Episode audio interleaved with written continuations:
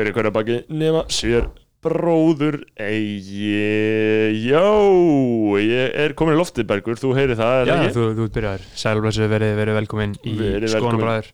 Í skoðanabræður með Geoffrey Huntington Williams Skywalker. Sky Valke, Luke Skywalke eins og við víkjum að hérna innan stundar eh, Við erum að vanda með veistlu í bóði og eh, þessi veistla er ykkur að eilífu kostnaðarlaus og við gerum hana ekki til þess að um, verða ríkir. Við viljum, við hins vegar, við viljum hins vegar halda þessu úti með einhvers konar sjálfbærum hætti og þess vegna erum við á Patreon. Einmitt, við erum að styrkja það, að stakka það. Uh, þú getur valið um þrjár áskiptalegir Já, og sko þannig að ég skerpi á því þannig ég skerpi á því við ykkur að sko Patreon, ef þið eru með það dæmi í gangi þá er það bara eitthvað svona lítið app í símanum og þú veist, það virkar ókslega vel, það er bara eins og podcast appin í símanum, þetta er ekkert eitthvað svona uh, einhver vefsíða sem við þurfum að fara að downloada ykkur þáttum með, þetta er bara fullkomið app í símanum sem er eiginlega betri en hinn podcast appin sko. Það er nefnilega málið sem að ég held að fólk sé smá hrætt við að það þurfa að nota eitthvað annað Já, bara smetla ykkur inn á appið og, og þá bara munið vennast í mjög hratt sko. en, en já, við erum með þessar þrjára afskættalegir og ein þeirra sem eru sérst 5 dólarar þeir, hún veitir ykkur aðgang að sérst, uh, þætti á tveggjafinna fresti sem er uh, gasþátturinn þar sem ég og Beggi tölum bara tveir saman um alltaf melli heimur og jarðar og látum allt flakka Einmitt, al, almennileg, hvað segir maður, samfélagsumræða, allt og, Og- á milli heimis og jarðar. og síðan ef þú borgar tíu þá færðu þau sagt, uh, Það voru það og þú færð, þú færð til dæmis þennan þátt þú hlusta núna á miðvikudegi eða fimmtudegi. mm, en Þú færð nú fyrstu undan. fer eftir hvenær við, við tökum hann upp, sko. Og síðan er 30 dólar, við þurfum að búa til eitthvað advantage fyrir 30 dólarin- dal- dalina. En það er samt bara 30 fólki sem er að setja harkalega Já. virðinganafni á hverju, hverju einustu viku. Það Eh, eru bara menn sem eru djúpir í bræðlæginu. og uh, það eru eftirfarandi aðilar. Benedikt Bjarnason. Uh, Joffrey, Joffrey Huntington Williams, maðurinn sem er hérna í þættinum. mm.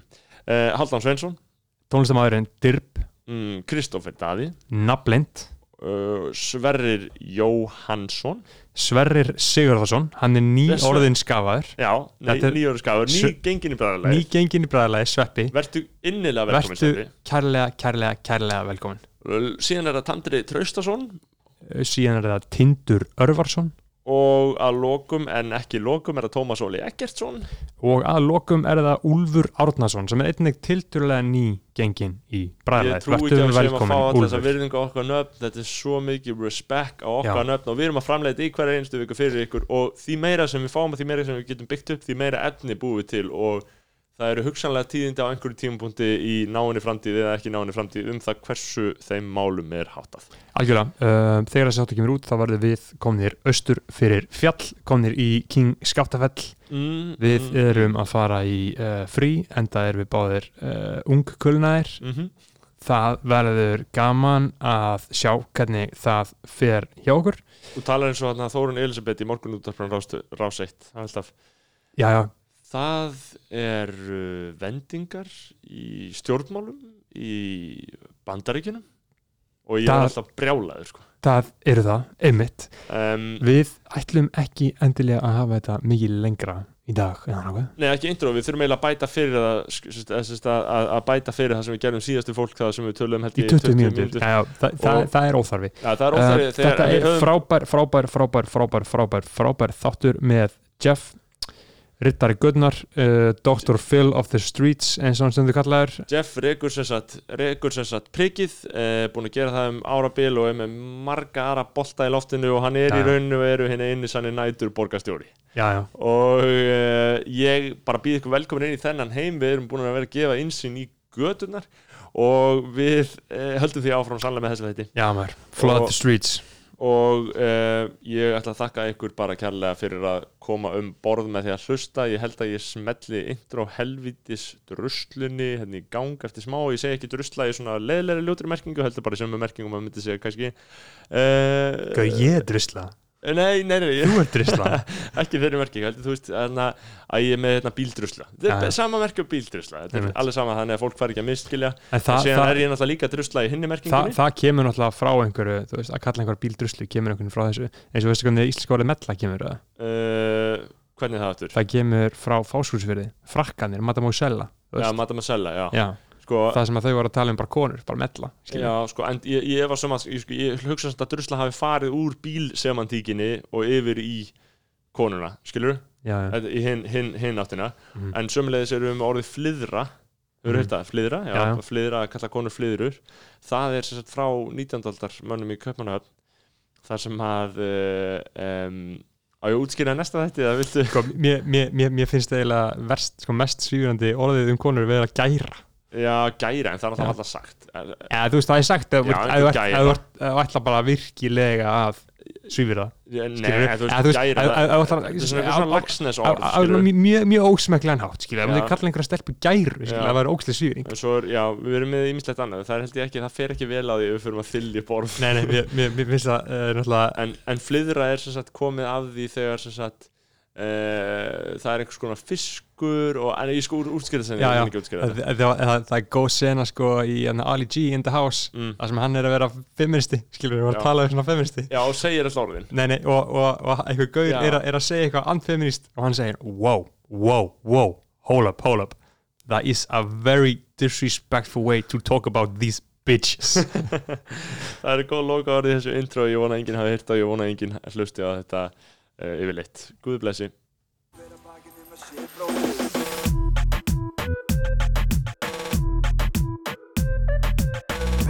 Fyrir hver að bakið um að sé bróður eigi.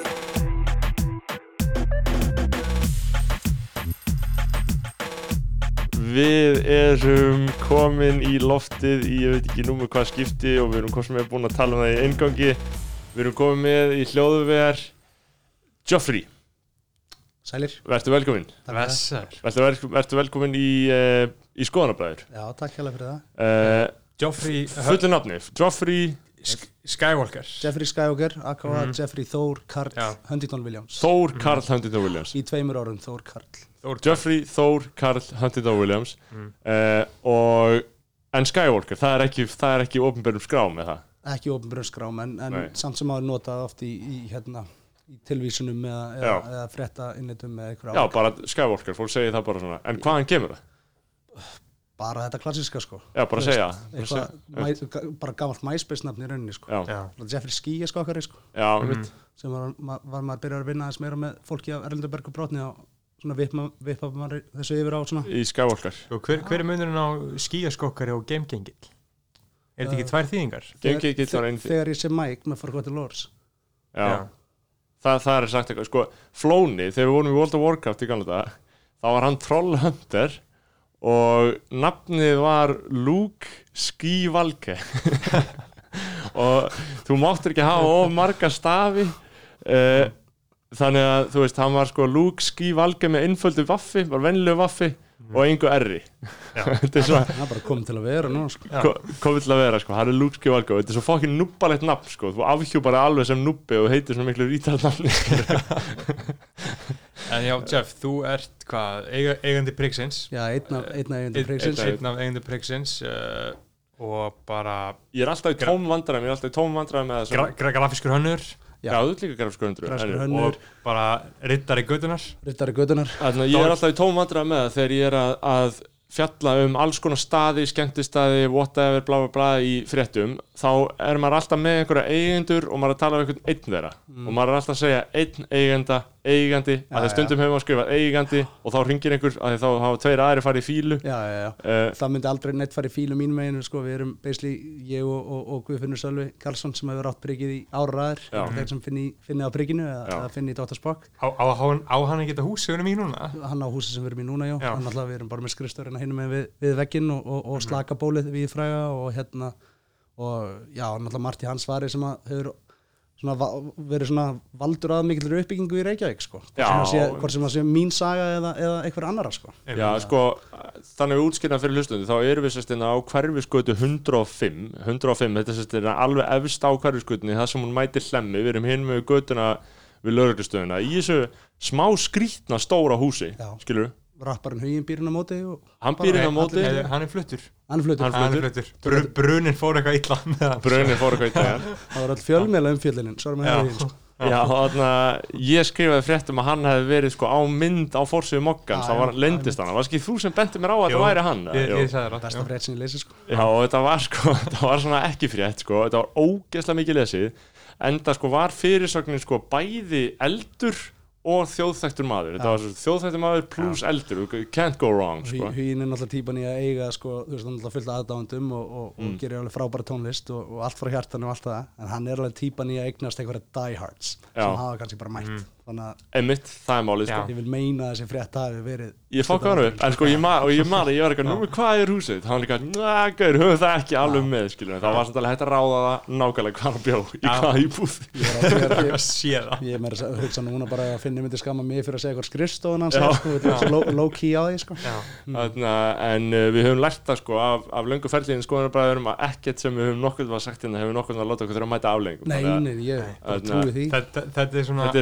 hérna okkur tómarúm, sko. Þetta er raunin svona andstæðan við þú veist, anything you, anything you say can and will be used against you in court Skólabræður er með goes, Skólabræður er með andstöðuna. Hispurlaust hjál En ég fór Já. með þér hérna sko um þannig ég lýsi því áfram fyrir ykkur við vorum hérna í einhverjum ránkölum þessar byggingar. Ég fór með mér og þú gafst mér hennar bjór. Mm. uh, og Þetta er bara, já, mér finnst það mjög ánægilegt að vera með bjór í stúdíóinu.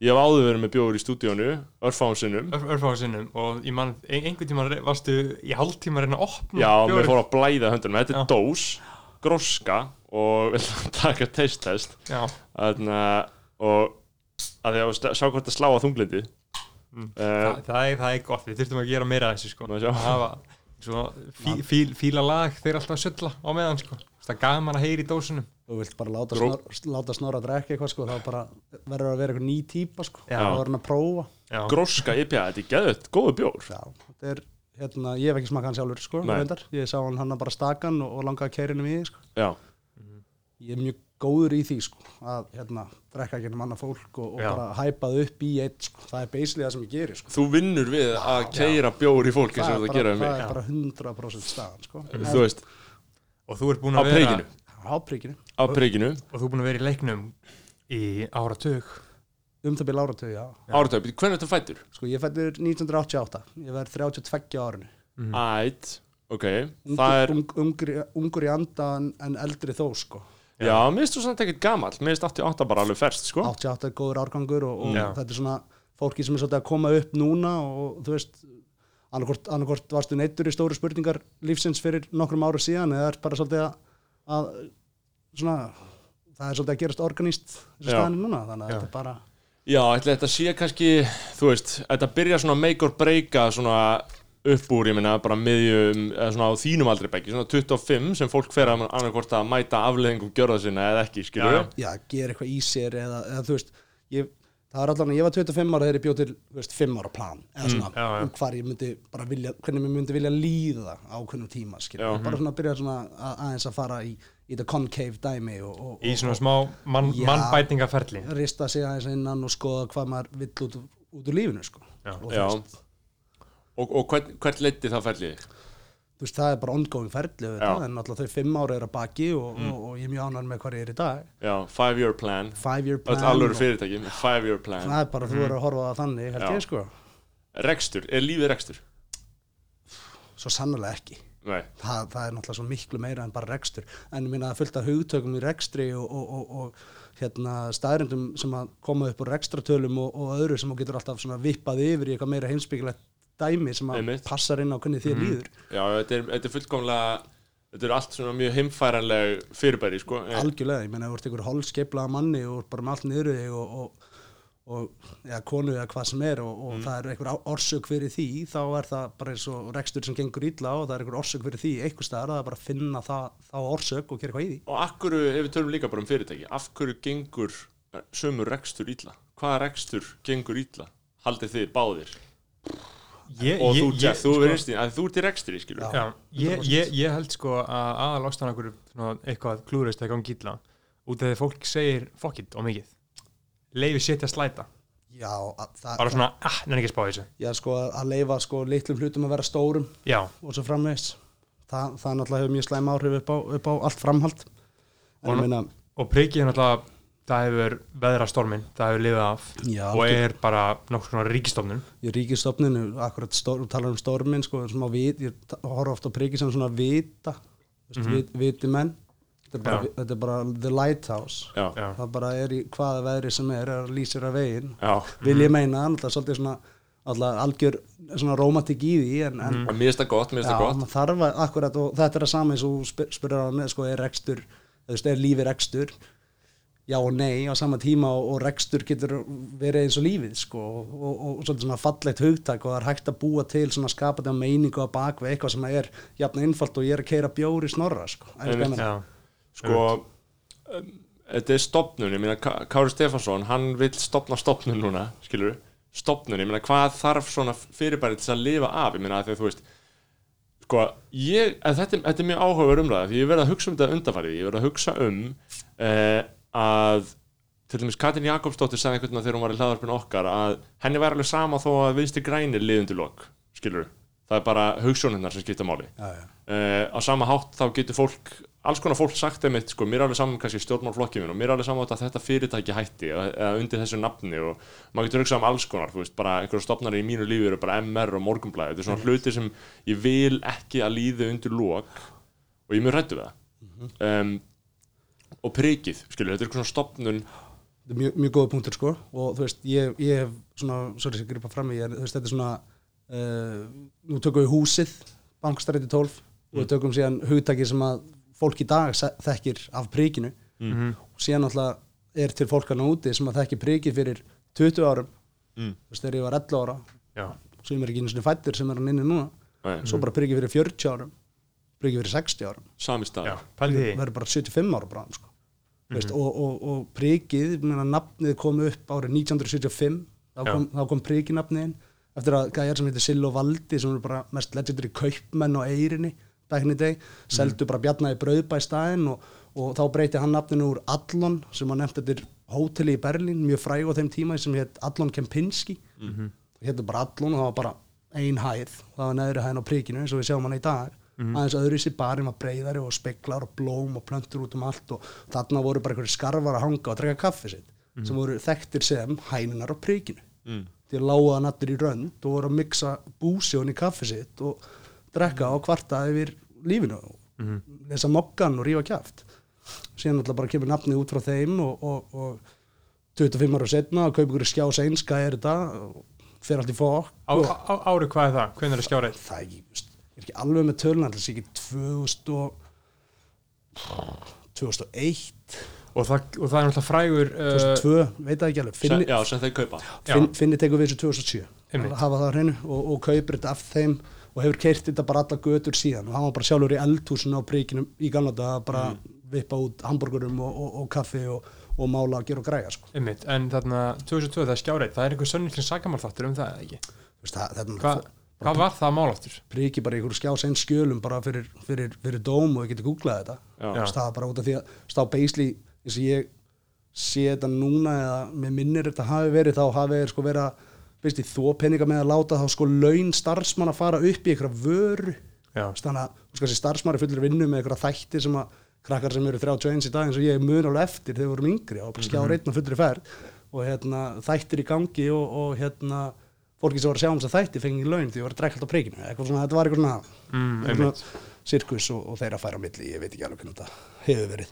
Nei, akkurat, ég, ég, En- en, ég veit ekkert um, um, um þetta skjás einstæmi en var þetta sérst en var það þá allt, eða, ég, hef- ég hef heyrt á skandalum sko, en, en var þetta þá allt dæmið bara að þið væri bara eitthvað að gefa einhverju starfsmönnum laun í gegnum úttektir á- úttektir á príkinu eitthvað þannig, eitthvað inn og út dæmi, ég er ekki alveg með hreinu Einmitt. og bara svolítið svona veist, lítið minnst á þetta í þessu öllu saman sko. Það var ekki hluta, svona, það var svona, svona púsl í stóru myndinni. En samt svona hlutasögu staðarinn sem gamla rifjan upp. Einmitt. Já, þeir áttu þetta þá örgulega kannski það svona fyrir, frá upp úr aldamótum fram til 2007 þegar þetta fyrir hendur finna. Já, um það bili, eða hvort það hafi verið eitthvað milli stigan og milli, er alveg með á hreinu. Að Og, en Priki hefur núna bara síðan ég man eftir mér verið svona heimastæður hip- hip-hopsins. Mm hefur alltaf verið hann, veistu hvernig það byrjaði? ég minna alla, sko alltaf margir góðir hlutir sem að gerðist þannig akkurat og held ég á þessu skjás eins tímabili Já. sem var fullt af sko samtvinnað af fjölmjöla fólki bara svipað og er í dag oft. Þá eh, er tónlistafólkið og, og, og skapandi geirin er svolítið svona annarkvæmt á hliðalínu eða í, í sviðsljósinu.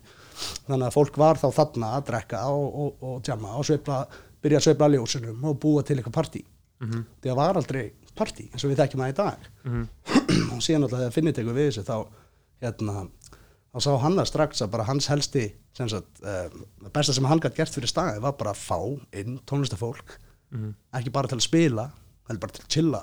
Mm. hann var rottvælir í uppsveiflu og alltaf frétta og þetta er bara svona búið til eitthvað svona svona samtvinningur af veist, fólki sem var í hip-hop sinni þá og, og, hérna, og allt út frá sko. graffiti í portið og eitthvað svona. Veist, hægt að gera hluti flott án sem borga óslega mikið pening fyrir það og bara svona, við erum einhvern veginn ennþá á því wave sko, bara búið að þróast sko. Já, sko Rottweiler var að fokast þarna og og síðan, þú veist, ég þegar ég byrja að djamma skilur þau, 2000 og uh, 14 13, 13 kannski fóru fyrst Nei, örgulega ekki 13 sko. það var stungur sko Svo 2016, 2015, 16 Já, sko, 15 var stóra priggsumari sko. Já, já. 15 var bara hverja einustu helgi ég líka. Uh, 14 var ég byrjaður alveg að fokka aðeins í þessu en 15 var ultimate priggsumari sko. sko ég er náttúrulega uh, vann á príkinu sumarið 2013 Já, Já, það er fakt í málunum já, þú, þú, þú vel með vinnu eftir- ég Jeff man vel eftir því sko. já, ég á skýra minningu. Þið þurfa að reykja þann starfsfélagins sko, hann var góður sko. Já. hann bara, þú veist, löngsa að gera stutt sko, þá bannaði móður ykkar honum að vinna hana sko. og ég fekk bara að heyra því og ég skildi það en ég var samt alveg svona, ei, þú veist á ég ringi hana eða þú veist, ok, ég, ég hef alveg síðan þetta gerðist, en smá inngrip síðan þetta gerðist, það hef ég alveg gert mikið mega upp úr því, sko, eitthvað, ei, bara þetta er bara your mama's house, Já. skal ég meina bara segja mömmu þinn að koma. Þú veist, ef þú ert- þú krakki við erum að tala um mm -hmm. gamls einstaklingur að koma inn á prikið, að vinna fyrir mig og vera hlaupandi um að nóttinni að mm safna glösum í kringum einhverjum svona mismundi útgáður af mannfólki það er bara svona, ég veit að, þú veist, ég veit þetta út af því að mamma mín var á sama stað þegar ég byrjaði að vinna í þessu í gamla daga. Segði henn að kíkja henn á daginn og kaffi og helst er Helgi gamler í húsinu eða koma að hitta mig og ég skal svo sannfæra hana um að við gætum fylsta öryggi svo við erum að passa upp á krakkan hennar sko. mm. Þú akkurat uh, ég er náttúrulega að byrja þarna sumar 2013 það var sumar sem ég var að vinna líka í garðirkju í háskólanum sko og fekk sko það plöggi var í gegnum Kolla, Kolbeinn Jara sem var, Hamid. Og, og, og Húbert var náttúrulega líka að vinna sko, bróður þinn. Já, já. og maður komst inn þarna sko, ég man þetta var bara nettasta sem hægt var að vinna við í alheiminum sko Þetta er, þetta er nefnilega maður er með filter sko, að fylgja fólki sem sækir um vinnu sem finnst bara cool að vinna á príkinu en Já. er síðan kannski bara glatað í vinnu sko. akkurat, akkurat. Sko, sko ég, ég á líka eina þú varst mjög mjög, þú varst mjög góð í vinnu, bara taka, taka það skýrt fram. Takk fyrir það, takk fyrir það. Ég, ég, á sko, ég á sko mjög skýra minningu af sko okkur saman. Já, uh, ég var sér klósetti niðri um, og það átti sér stað óverlegt slis í klósettinu. Tengdi sko brotnu glasi mm blanda af brotnu glasi túrblóði mann skýrt þetta því og einhvers konar ælugumsi sko. þetta fyrir allt í sama fucking ælupókan hjá mér sko, ekki sko. Þetta var var katastrófa onni í klóstinu og ég man mjög skýrt eftir því að ég var með sagt, að losa að losa glas upp úr klóstinu sem botnin á glasinu sem sagt, stíplaði æluna út úrblóður inn á klóstinu Mér finnst svo gaman að ég mynda þig Þig að gera þetta ég, ég, að ég, sko. ég kúast mjög öðvöldlega en þarna var svo mikið pressa. Jeff stóð líka yfir mér meðan ég var að gera þetta. Tilbúin að basically gera þetta sjálfur að það væri eitthvað Já, vesen já, einmitt, og þú vilt, þú veist, Beggi vill alls ekki fá í þessu mómenti, þú veist. Eitthvað, að þú, að þú, að þú gerir, sko, þú veist, að það sí- síðasta sem maður vill í þessari stöðu, þegar maður er í hans stöðu, sko, að Já. þú ge- tekir bara, herri, Já. ég skal gera þetta. Já, ég átti Fyrir bara þá ertu algjörlega búin að tapa, sko. Og ég man mjög vel eftir því, sko, uh, ég var að veðsannast í þessu og þú stóðst svona inn, og, inn, inn, inn hjá mér en líka fyrir utan Já, passa engin, passa engin lappar inn Já. með þú ert að gera þetta sko Já, þetta var með nótt Já, þetta var með nótt, bara Já, sko, og sko Já, og þarna startið þar með bottom með Drake var akkurat í gangi og ég man að þú stóðst inni hjá mér en líka úti með hendur svona að Já, já. út, út í salin halda sko. sko. halda stöfinginu sko. og alltaf því ég heyri þetta lag eða klassíska Drake lag sko, Já. þá þarna, minnist ég þess á neðri hæðin á prikinu Já, það er svo gott moment sko. Og, og þú náðir, náður í sittinu upp, af því að Já, mér minni það. Já, já, sko, Já. af því að það er svo áhugavert í svona í einmitt svona skemmtarnalífs umhverfi og sömulegis bara almennt jam og partí og, og slíkt að sko stundum gerast hlutir og þú veist, e- e- eins og þetta þetta er bara katastrófa, þetta er bara alls herja katastrófa og ég horfa á verkefni og hugsa þetta er óyfirstíganlegu viðbjöður Lend, það lendur oft í því. Þú horfa bara, ég get ekki leist þessar aðstæður. Við verðum að geta leist þær samkvæmni og hérna það eru það, eftir, eftir akkurat mörg ári bransanum sko þá erum að komið veist, það eru verkferðlar sko. En auðvitað hefur maður staðið fyrir framan ykkur og er bara hell no sama hvað það er. En náttúrulega reynslan gefur, reynslan tekur og allt það en náttúrulega við erum bara til staðar til þess að kenna rétt vinnubröð og veist, þetta er ekki staðar endilega fyrir pempjur inn, inn- innan gæðslappa eða þá sem eru eitthvað svona illa haldir af því að geta ekki farið í svona skítaverkinni því að þetta er í grunninn. Það sama og að selja áfengi þá er þetta bara að þrýfa, gera, græja. Ég meina ef, ef það er eitthvað sem ég sé ekki eftir veist, við vinnuna sem ég hef unnið Já. og náttúrulega sem er auðvitað frábröðin þeirri vinnu sem ég vinn í dag en hérna sem rekstrar aðli en hérna ég væri ekki þessi rekstrar aðli hefði ég ekki unnið þessi skítverkinni Einmitt. að ég er bara fáralega góður að þrýfa Já. og ég er bara fáralega góður að vaska upp og þið verður svo án þú veist, bara fólki í lífi ykkar verður svo ánætt með ykkur eftir, eftir, þeir komin yfir 30 þeir eru unnið við þetta í tvö ár millir 20 og 25 sko. Einmitt. þá kunni bara rétt handbröð bara munin að fókin tusku og viskustykki og bara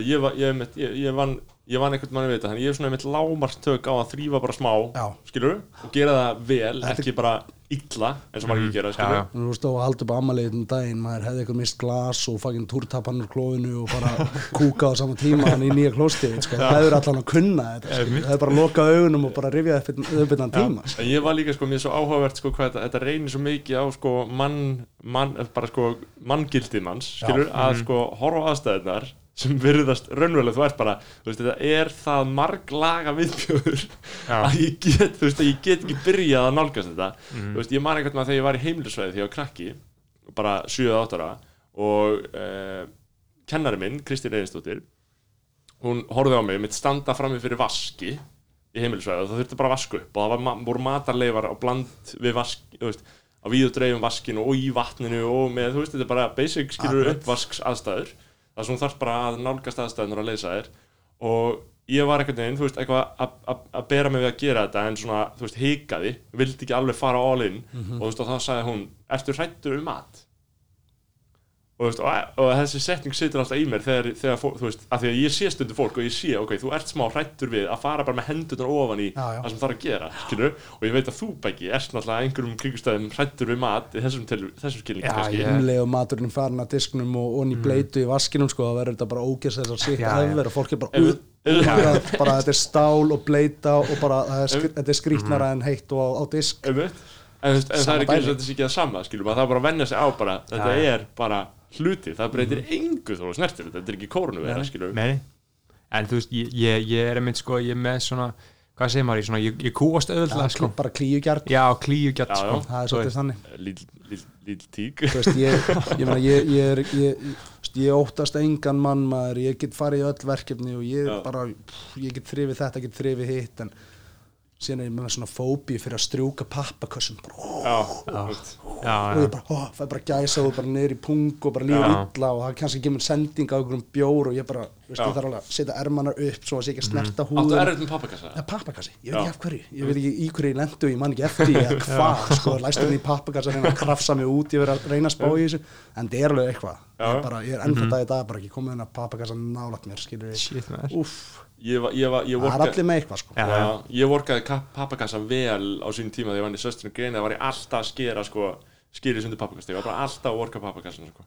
og ég, ég er með ágætt lag á pappakassum sko, ég fíla það um, en Er- þetta er einmitt, þú veist, af því að vinna er vinna og ég ég er með það smá að heilanum hverjir skilur eru bara, þú veist, að þetta gildir alveg sama hvað fucking verkefni er, skilur alveg sama og þetta sé, bara þú getur skala þetta í hvað átt sem er, bara fólk sem fucking gerir þetta og skilur sem býr til eitthvað sem lætur þetta vera ekki hægt, skilur Nei, mitt. mér finnst það svo mikið, svo mikill munur, sko. Hræðilega mikill munur, sko. Þetta er líka eitthvað megin, þú veist svo upp á priki, ég meina, og, og, og prikið ykkur að segja hefur oft ég meina, við höfum verið með sama kerfi í gangi í svo langa tíma, það hefur oft speglað önnur kerfin á öðrum, öðrum stöðum og, og, og, svona pleysum sem að við komum, við höfum aðkoma að. Og hérna, þetta er svona ákveðni verkferðlar þar sem að svona eru að mínu mati bara eina leiðin sko. Mhm. og þú veist og, og náttúrulega bara sjálfgeft í þessum rekstri. Ég meina það eru náttúrulega nokkur hana úti sem að standa sig ótrúlega vel í, í barrekstri og ég bara er mjög ánæður að vera vinnandi í sama umhverju og þeir. En hérna það er bara sjálfgeft að fólk akkurat að, að, að menn á borðið finna hafi verið í þessu svona lengi og, og, og hafi fundið manni svo mig á sínum tíma og ég sé ennþá í þessu með honum og maður hafi náð í raun og veru að vinna sig upp það er bara búið að standa við allt sem hefur sagt, verið sagt við mig og, og þetta er einhvern veginn bara, við höfum náð að gera þetta að einhverju svona, einhverju göfu, skilur Já, með því að blanda saman þessu huglæga út af því að priki kalla svo mikið eftir langir opnuna tímar, svo mikil saga og allt þetta, þannig að maður þarf að kalla eftir þessu huglæga og síðan höfum við núna í setjum tíð verið að kalla eftir þessu þessari sköpun sko. Og við erum að búa til þennan svona brennipunkt af sköpun og okkar mati, ég menna hvort sem að byrstist í tónlist eða, eða myndlist eða okkar viðvíkur sem að fara langt út fyrir sko staðin sjálfan en hugtakið eitt og sér er orðið svo stórt. Einmitt. Þannig að þá akkurat að tala um þessi litlu atriða bara við að þrýfa fagnum matalegar og vaskinum því að djöð geta þær myndast í stóru vaskinum inn í uppáðsherfingina príkinu veist, þá er það, það er jafn mikilvægt og, og öll önnur svið sem að koma að þessum þú veist, spilaborgin fellur ef þessi vaskur ekki þrifin já, að ég veit ekki hvað ég meina. Þetta, svona, þetta, er, þetta hefur allt sama vægi. Og, og, og ég hef alltaf hort á það þannig að þú veist akkurat með því að vita að maður væri bara enga veginn þar sem maður er í dag. Eða búin til úr sama svona pedigrí og maður er í dag en maður hafi farið gegnum hennar skóla og þetta er helvít erfiður skóli fyrir ykkur þarna úti sem hafi áhuga í að vinna börum sko. Mm. þá er þetta ekki fyrir the faint of hearted. Eða þetta er alveg samt veist, eða kannski er það bara þannig, það bara er ein leið til að komast aðeins sko. já ég, það það er heldur gaman sko. Að líka þú veist akkurat með þessu öll litlu atriðu, ég meina, ú- það er þetta snorri hefur unni í þessum bransa, ég meina þetta er fólki á baku tjöldin, sko. Já, bara dansin dunar og að jam í gangi en það, einhver þarf einhver að sko. þrýfi þetta upp, sko. Jöp. Já, og að hvað, sko, núna alltaf þarna, er þessi barbransi og veitingastæðabransin uh, í Reykjavík. Allt þetta dótið, það var mikil velta á stöðum. Það kemur og fer.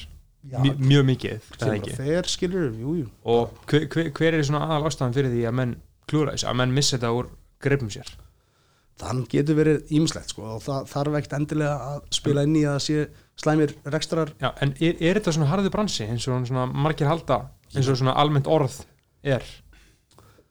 Ég menna, við erum allir grótarðir, þú veist, Mhm. ef út í það er farið en náttúrulega ég veit ekki, þú veist jú, þetta er alveg með held ég erfiðustu brönnsum sem þú getur verið í. Já, út af því að veist, það er svo margt á línni og maður er bara fullur þakklætis fyrir staðsynningu priggsins maður er fullur þakklætis fyrir þá sem að leiða okkur priggið maður er fullur þakklætis fyrir alla sína byrgja maður er fullur þakklætis fyrir allt starfsfólki sitt sem er bara mad loyal og bara vilja vinna og bara vera með okkur að eilífu þess vegna sko, þau eru bara í stuði og við bakkum það upp og þau bakka okkur upp. Mhm. það er svona tilfallandi hlutir sem að geta klikkað og það er ekkert endilega út af slæm rekstrarhæfileikum sem eru oftar en ekki bara Excel-skjál það getur verið leiga, það getur verið okkur, það getur verið alls konar slæmi dílar á vöru þetta er bara vara inn og út skilur mm að, það var einmitt einmitt það sem ég var alltaf fyrir mér rekstur, þetta er bara rekstur, þetta er bara vara inn og út. Vera réttu með við línuna. Við erum með bara besta Excel teimi á Íslandi. Við skamna. það er einn endin á þessu. Bara Excel. Þetta er bara Excel, ég er ógeðslega góður í Excel. Já, reikn út hlutina bara þetta er ekki að ganga upp. Við höfum bara að ráðast í ykkur aðgerri hérna, að ég er svo mikill fucking viðvæningur í því sko. ég veit ekki hvernig það getur gengið fyrir sér sko. ég meina, þú veist, þú náttúrulega kaupi vöru og ég meina, segjum að einhver staðar selji fyrir miljón þá er hann að kaupa vöru fyrir 600 skall til þess að geta keift þessa miljón Mhm. þannig að marginni er orðið segjum að 400 skall eftir. Það er bara fullt af staffi og það er eitthvað DJ sem kostar fucking mikið pening skilju og er þetta og dreifur það frá. Svo er dyraverir, dreifur það frá. Og marginni er óslega lítið á hagnaði skilju og það getur oft farið öfum með við borðið ef að það er einn barþjótt að hella skotum í allt kvöld fyrir vinni Mhm. þú veist, þá er það margin orðið tvöfalt í mínus skilju, gefur skot fyrir 40 skall, orðið beislega að tapa 80 skall. Það er sem þú hefði verið að græða. Akkurat. Er, veist, það er bara rýrnun. Ef, við, já. ef við hugsaum um rýrtunina ég vil nenni ekki tala um neina fucking rýrnum ég lifi og I live and breathe rýrnum sko. come at me með rýrnum sko. Til sko, ég var alveg reddi í mega eitthvað huglægt og eitthvað skemmtilegt spjall hiskulast hjálmar og svo bara. Já, En, samt, ég meina, hún er bara hún er real. mega hluta af þessu. Það er alltaf rýrna í þessum heimi sko. Bara rýrnun er bara, bara gegnum gangandi vandamál í þessari veröld skilur. já, já, bara lið bara það er bara að vera að sylla kampa inn á gólfi og ekki vera að borga fyrir það. Einmitt. og það er, þú veist, að því að maður hugsa, þú veist, hversu anal skilur menn verða, skilur, hversu anal er þú til þeim skakast þessu? Rýrnun, já, þú finnur enga jafn harða á þessu við, já, enga. Það er ekki gefið. Það er bara, er ekki gefið og bara, við, það er okkar reynsla. Og þegar Já. við vitum nákvæmlega hvað er í gangi. Ég þekki það. Þú, Já, þú ég var einu sinni óbreyttur hermaður í þessum bransaskinu Já, ég, ég kann að láta rýrnunina ganga upp, ég, ég kann að finna hana núna sko. það er bara, það er ástæða fyrir þessu já, ég það er opinn og heilegu með það bara, Já. heyrðu, ég veit nákvæmlega hvernig ég gerir það það er ógeðslega fyndið, sko. En þannig að talandi um þetta huglega Priki er náttúrulega líka með uh, tónlistadeildina.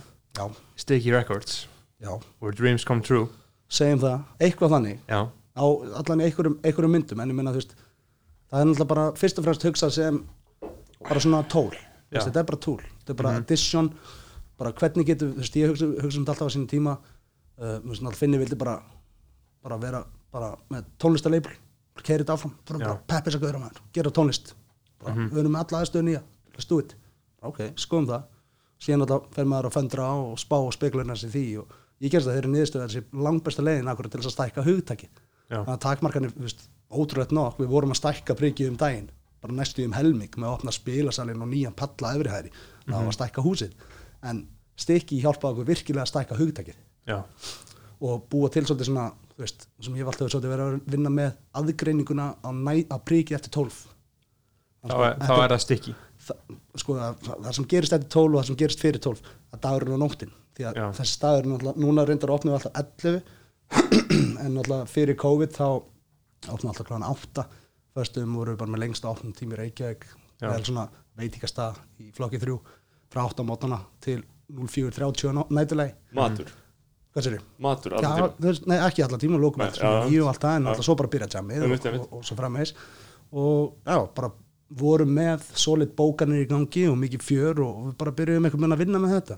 Svona setja út nokkra öngla leita Já. fólki, skoða hvað er í gangi gerum þetta háréttum tíma þú veist, Mhm. fyrsta útgáðan var í 2017, eða var, nei, sorry, já, 2016 17. november með Gauta með, hans og Gauta, það var fyrsta útgáðan okkar síðan þá náttúrulega kemur þetta allt einhvern veginn í samfelli Já. við bara keirum áfram í þessi brauðformi og, og á þeim sko það er nóg af góðri tónlist í gangi í dag en djöfull var mikið af ungum efnilegu krökkum að búa til tónlist á akkurat þessum sem já, var bara 2017 gaman að heyra í hvað ár? Það var 2016 upp Já, 16, einmitt. Já. þetta var það var eitthvað að gerjast þetta á þessu tímabili, sko uh, Á- 2016, 17 Já, 16 2015, 16, 17 held ég hafi verið svona akkurat, já, gerjunar árin sko, Já. svona saftin, saftin í ykkur tunnu og alveg sko loki á henni að springa Já. ég man bara, ég heyrði bara, það sendi mér ykkur þú veist, bara enga móral með Aron, skilur Aron, Birnir, Flóni. ég, ég sendi, ég sendi Aron er inn í hinu herbygginu, skilur. Já. takk upp með Arnari, sem er bara, ég kynni sem DJ á príkinu, því hann byrjaði að spila með Agli Spe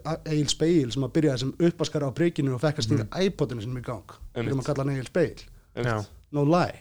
Veist, ég man ennþá, ég, sko, ég er með þetta í símanum ég sendi Aroni bara á Twitter bara blessaður hérna Jeffet, ég, Rekstur Bryggsins bara var Örd Hönsberg að gáða hérna Sjöberg. Sjöberg. Já. vorum að halda ísi brauðformi kvöld. Þannig að fá ungt og efnilegt fólk blandaði saman við aðeins reynslu mér að lið og búið til partí.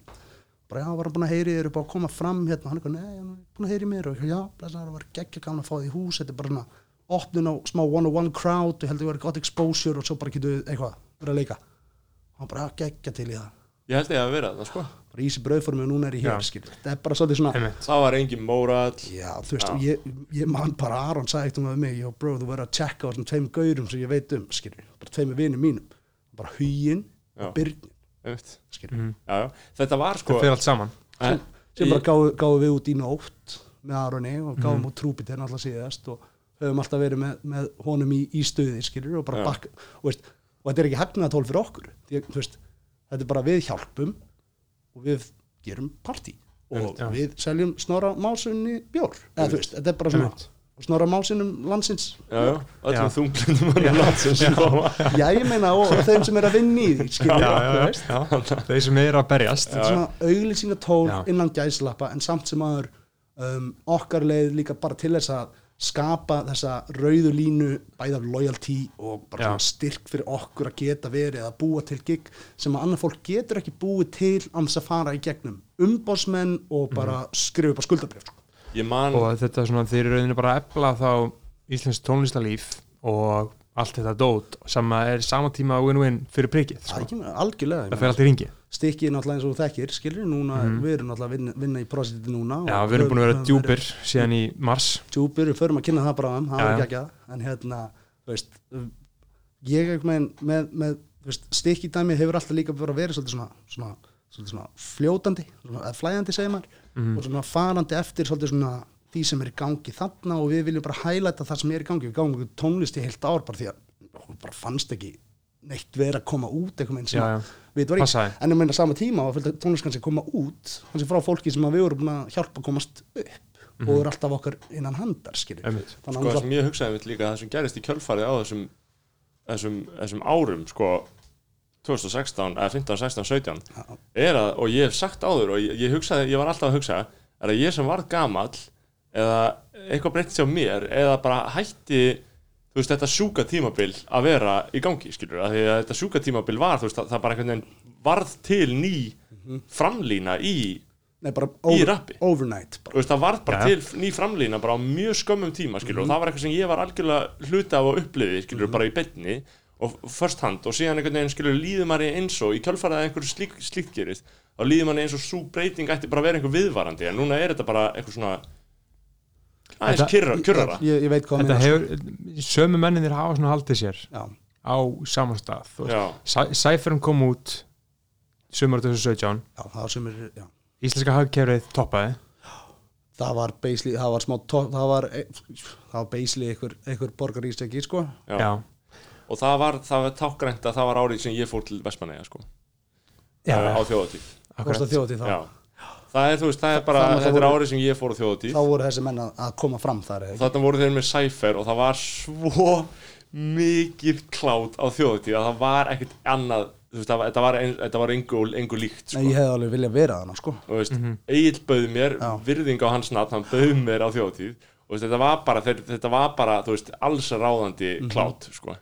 og það var einmitt þarna sá ég þetta í, í, í beinni ná hábúndi og síðan einhvern veginn verðum maður fyrir smá vombriðum að ég sé hann bara er bara 2018 komið og ég er bara fittnáður í háskóla. Þannig að- að alltaf margt sem gerist hana, gerist hana inn á milli sko, og Já. alltaf 2021 á næsta leiti núna. Já, en þú veist, einhvern veginn uh, hvað getur maður sagt, þetta er alltaf að þróast og þetta er, þú veist eftir nokkur ár þá gleymir maður hvort það var 2016 eða 2017 og maður þarf að rifja það upp fyrir sjálfur sér og, og, og þetta fer allt í samingi bara við það sem var í, gang, í gangi akkurat í þjóðfélaginu þá og Já. þetta verður Já. einhvern veginn bara svona markum um okkar tíma Já. og það er bara, einhver að segja ógslag gaman að, að hafa fengið tækifæri og áframhaldandi tækifæri til að stiðja við ungt listafólk á öllum aldri og í öllum tónlistar hérna, deildum, ef maður getur orðað það þannig og, og, og já, eiga svona hluta máli skilur, að veist, okkar nafn er alveg í bókinni skilur Já. við bara og, og það, það, dug, það dugar okkur við erum bara, we, we about the music skilur, við erum ekkert að leggja mikla, þú veist eins og þú þekkir þetta það er engin samningar við tónlistafólk öll dreifing í gegnum aðra aðila.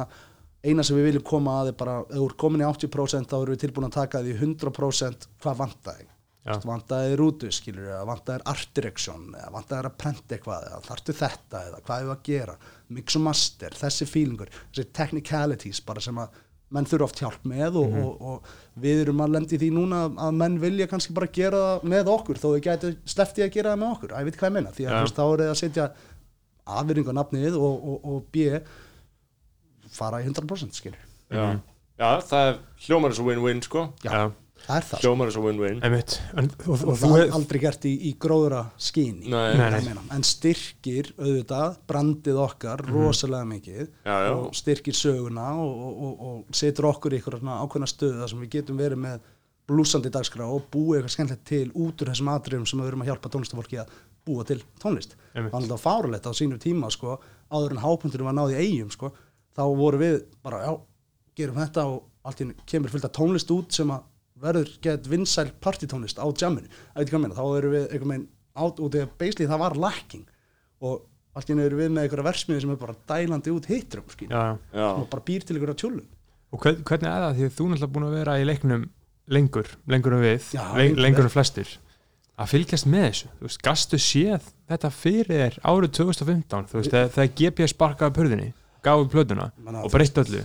Hvernig varst þú að túlka þetta og fyrir það, þú veist, ég, meina, ég vissi er, alltaf hvernig er hægt að spá fyrir framtíðinni þú veist, náttúrulega hip-hop var á allt öðru stað veist, þegar Gísli og eða þegar Gauti var komin upp og þegar Gísli var komin upp og náttúrulega Gísli sprengdi dæmið og, og, og bjóð bara til ný kynnslóðina sko. Mhm. þú veist, þá var þetta allt annað dæmi og náttúrulega líka bara hvað hefur breyst á sama tíma, ég meina, hvaða miðlar hafa komið í ljósið á sama tíma og, hérna hvernig, hvernig hefur ferðala hugmyndana orðið öðri sér skilur við, þetta er orðið miklu stærra dæmi, maður líður eins og maður sé að tala um hluti sem gerist fyrir 15 árum en maður tala um hluti sem gerist kannski fyrir reyndar kannski 10 árum skilur við, þetta er svona veist, nei, ég sá þetta aldrei fyrir mér svona ekki beint, en ég vissi að Joey er stjarnar fyrsta daginn sem ég sá hann. Ég vissi að Aron er fucking stjarnar fyrsta daginn sem ég sá hann.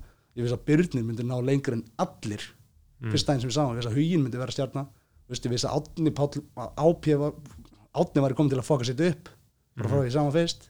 Þetta er bara menn sem eru bara farandi allar leið og núna er maður að sjá tólestmenn vera eldri og, og, og svona læra á veist, hvernig geta þær framfleytt sér eftir tíu ára, með tíu ára planinu og þetta og annað, ég menna þú veist, þetta er tímunni breytast á menninni með, skilur það er fucked up, þetta er smá svona fótbolta, fótboltaliðs dæmi, sko. þú veist þeir eru flestir sýnist mér bara í topp málum sko, en, Já. hérna, en þurfa auðvitað að hafa haft fyrir að því skýrt líka meika sko. ákveðin moves mm. bara menn og konur í kringum bæði stelpunar og, og strákana sem eru búin að vera að koma upp úr tónlist og ég meina það er ákveðin hluti sem að virka kannski þú ert átján eða tvítur sem kannski virka ekkit endilega þú ert orðið 30 sko, veist, þannig að það er þetta gameplan og núna eru menn bara með stóra tónleika og þetta og þú veist kominir í rekstur og kominir í þetta og það er svolítið svona Það er alveg svolítið áhört að sjá hvað öllum hefur tekist að plumma sér nokkuð vel það sko. er þú, gífurlega vel þú, þú færið ekki sko, af þessara kynslu það er ekki mikið af svona one hit wonders sko. þú veist, menn hafa og svona ljótu, maður er ekki búin að sjá mikið af einhverju ljótu börnáti, skilur Nei. svona ljótu og hröðu börnáti þar sem kerti bara fellur saman, sko blessunarlega skilur, þetta er náttúrulega þetta er oft menn í, í bara líka góðum stöðum bara svona fyrir og, og það er bara búið að pakka þeim svolítið svona, svolítið svona saman og svo fá þeir bara að sjá um restina sjálfur sko. Mm, það er alveg búið að vera ótrúlega tímabili ef maður myndi fara yfir alltaf katalógin Mhm. á tónlist sem hefur komið út í Íslandi þetta farið tíu ár og maður bara fucking amazed já, já.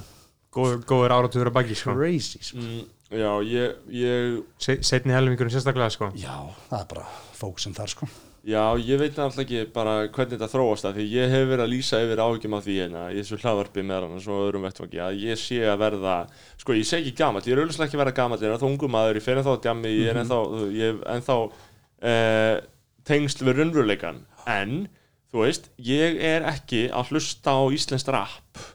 Eins og varst að gera þá. Eins og ég var að gera. Og ég er bara, það er ekki að höfða til mín. Ég hef ekki hlustað á eitt lag með ég veit ekki eins og hvaða rappar ég ætti að nefna sem dæmi sem ég hef ekki hlustað á, skilur da, Daniel. Daniel, jújú, jú, ég fílaði lagið hans með Flóna já. skilur, en þú veist, það er mjög yfirbors sem, sem er umdelt, sumi voru ekki annað með lagið, sko. ég skilði mjög vel sko. En, en, en, en, en sumi voru, skilur og, og ég held að fleiri sé í minni stöðu, ég er 97 model um, það sem maður er að hugsa, skilur það er ekki eitthvað, þú veist, það er eitthvað sem vantar fyrir mig, nákvæmlega núna og, og það er eins og maður sé að fjarlæðast eitthvað, skilur þannig að ég hef áhyggjur af því að vant eitthvað, Þe- þetta skilur er, þetta er hluta lífinu maður. Þetta er algjörlega hlut þetta er, þetta er eins og þú skrifar og segjum á sért reythöndur eða segjum á sért að teikna eða gera myndlist eða semja tónlist eða hvað en að þú kemur alltaf og lendir alltaf í ykkur rönd skilur og lendir eitthvað, æri, hvað er í gangi hérna? Það er rýtstípla innan gæsalapa Já. það er basically bara þú að þróast. Einmitt. og síðan veist, það sem þú ert að lýsa núna er, er, er ástæðan fyrir því að þú getur hlusta á eitthvað sem að er bara geggjað og þú löfvar og verður bara strángheðalegur með að segja bara shit, þetta er crazy. Já, ég upplýði þetta svolítið þegar ég var að heyra að þessa bylgju koma upp. Einmitt. Þá var, var var seti búið að vera svolítið stöðum, staðnað svo bara allir kemur eitthvað svona neisti og maður bara fyrir því í maðan get ekki logið þetta er er- er geðvikt einmitt. Keirum á þetta. Mig langar í það. Núna, þú veist, það er ákveðin hlutir að fara að koma út, veit ég, sem að hafa gefið mér sömu fyrildi og nýju fyririldin skilur, þetta er þessi, þessi smá svona, ok, þetta er mín sannfæring segir mér að þetta sé geggjað. Og ég veit að geggjað út af því að þú veist, ég, haf mikil sannfæring og ég veit að sömu hlutir eru bara ekkert geggjaðir skilur, og er ekkert næs. Ég meina, þá fer maður bara að hlusta á eitthvað annað. Og hlusta smá jazz eða þetta eða annað, bara svona whatever makes you feel good er bara málið, sko og síðan er það líka mjög mikið mjög mismunandi eftir uh, eftir gæðunum hversu vel hlutinir eldast sko. já, algjörlega. Og eitthvað getur verið eins og maður segir á uh, eins og reggaetonandi segir sko, basura caliente sko, hot garbage. Veist, eitthvað bara er vinsælt, skilur en síðan fast food, já, skilur já, stendst það ekki tímanstöðun En- en- sagan mun dæmi um það já, sko. já, en síðan er þetta fallega sem að eldist bara gífurlega vel.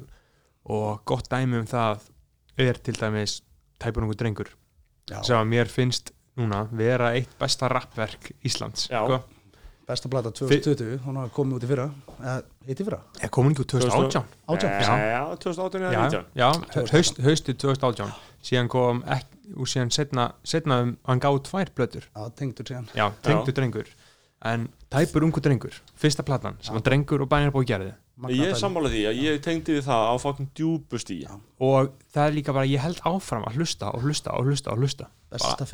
Þetta er bara hjá mér, er þetta, hjá mér er þetta svona með Khan sko, og ég hef alltaf verið Khan boy sko. Já, já, og það er bara, ég get bara, ég er ennþá bara fer bara í vinnunni og ég er bara að skrifa einhverja frettir og ég er bara með Trúbíter á repeat ennþá. Mhm. Já. og ég er bara með einótt á repeat ennþá bara, og 2018, sumari sem, sem Trúbíter kom út uh, vel að merkja, hinn platan verður að fara að koma út ég er Mhm. bara að leggja áslag við það leggja áslag það við ykkur báða tvo ég veit ekki hvað aðkomið þið hafið að þessu nákvæmlega en Ég potaði menn sko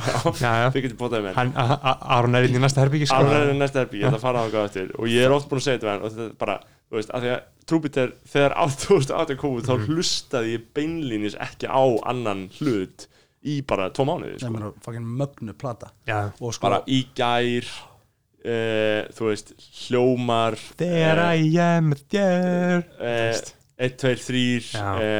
þú veist allt, þetta, er, þetta er allt meistarverk hljó, hljó, hljómar bara eitt af mínum upp á slöfum sko og, og, og síðan spyr maður sig, ég meina veist, komin út á réttum tíma já, því að Já. eina sem að mun gera hana betri er tíminn já, Já, já. þetta er svo vín, sko akkurat og, og, og þú veist, þetta er, þetta er svo mikilvægt innlegg Mm. bara inn í allt draslið þrúbið sko. já.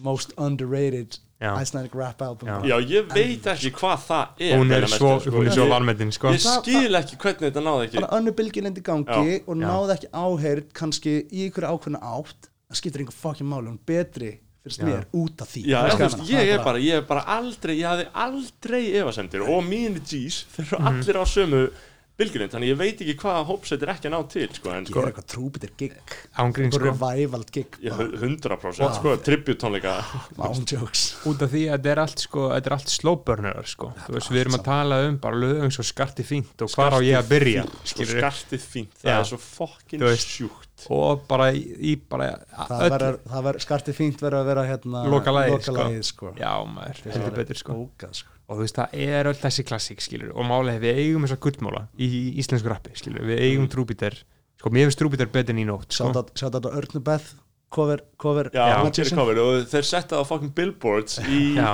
hjá valsheimilina, hjá Já. hlýðarenda ég, ég man að ég var að keira á mokkan frægu prósess sko. já, Já. mitt og classic sko umdelt, það voru einhverju þeir voru, ekki alveg ánægð með nú, Nei, hvað? bara, einhver sagði að það væri ekki góð hugmynd, ég man ekki hvað það verða, það var ekki meira Já, ég, ég man allan að Aron spilaði einhverju partí sko, hjá Gurdum sem á þessi skilti skilur og. Óli, Óli umbásmaðurinn á sendunum hana upp Aha, og það var bara klikkað skilur góð dýl ég meina þú veist, þó að hefði ekki nema verið fyrir einhverja, þú veist, það voru tvær myndatökur Já, með já. Aroni, þú veist, Einar Acer Legend in the Game, ljósmyndari Mm, og síðan Next Death Row, tóku myndir af Aroni fyrir neðan þetta skilti, bara gefa eitthvað písmerki bara, litli, bara strákurinn skilur, mættur, þekkir hann skilur og þú veist, hefði þetta ekki verið nema bara þá þá hefði það verið þess verið skilur 100%. fólk að keiri strætó og sér eitthvað billboard, episkt, þetta hefur er verið gert í, þetta hefur verið gert í einhverjum promoleik síðan sko, bæði fyrir plötur af öllum stegum sko. Það er ekki að þetta að vera gaurin, ég er að hugsa um sko að vera gaurin sem á skiltin sko. Ég hef býst að eiga bara þessi ógstu skilti sem hún út um alltaf bæja og ég hef oft hugsað, er einhver takmark fyrir því að ég geti bara gert svona skildi Nei, nei, þú gæti sett bara uh, Snor Snorri Másson Instagram Já. bara au- auglýst sjálf og ekki sko Nei, já, en ég er ekki að segja sko keift mig inn á skildi, ég veit ekki að ég keift auglýsingu en ég er að hugsa um sko búa til skildi og síðan leiða aðganga þessu. Já, það þurfti náttúrulega að vera þá Eitthvað örugg- ríkis. Þú þarft að eiga lóð í rauninni, lóð eð- skildisins eða þá leiða þá náttúrulega af borginni eða bæ, bænum sko, sem á, á, á hérna, landið. Og það, þur, það er alveg pottit einhverjum svona, það er örugglega tonna reglugjörðum upp á, Einmitt.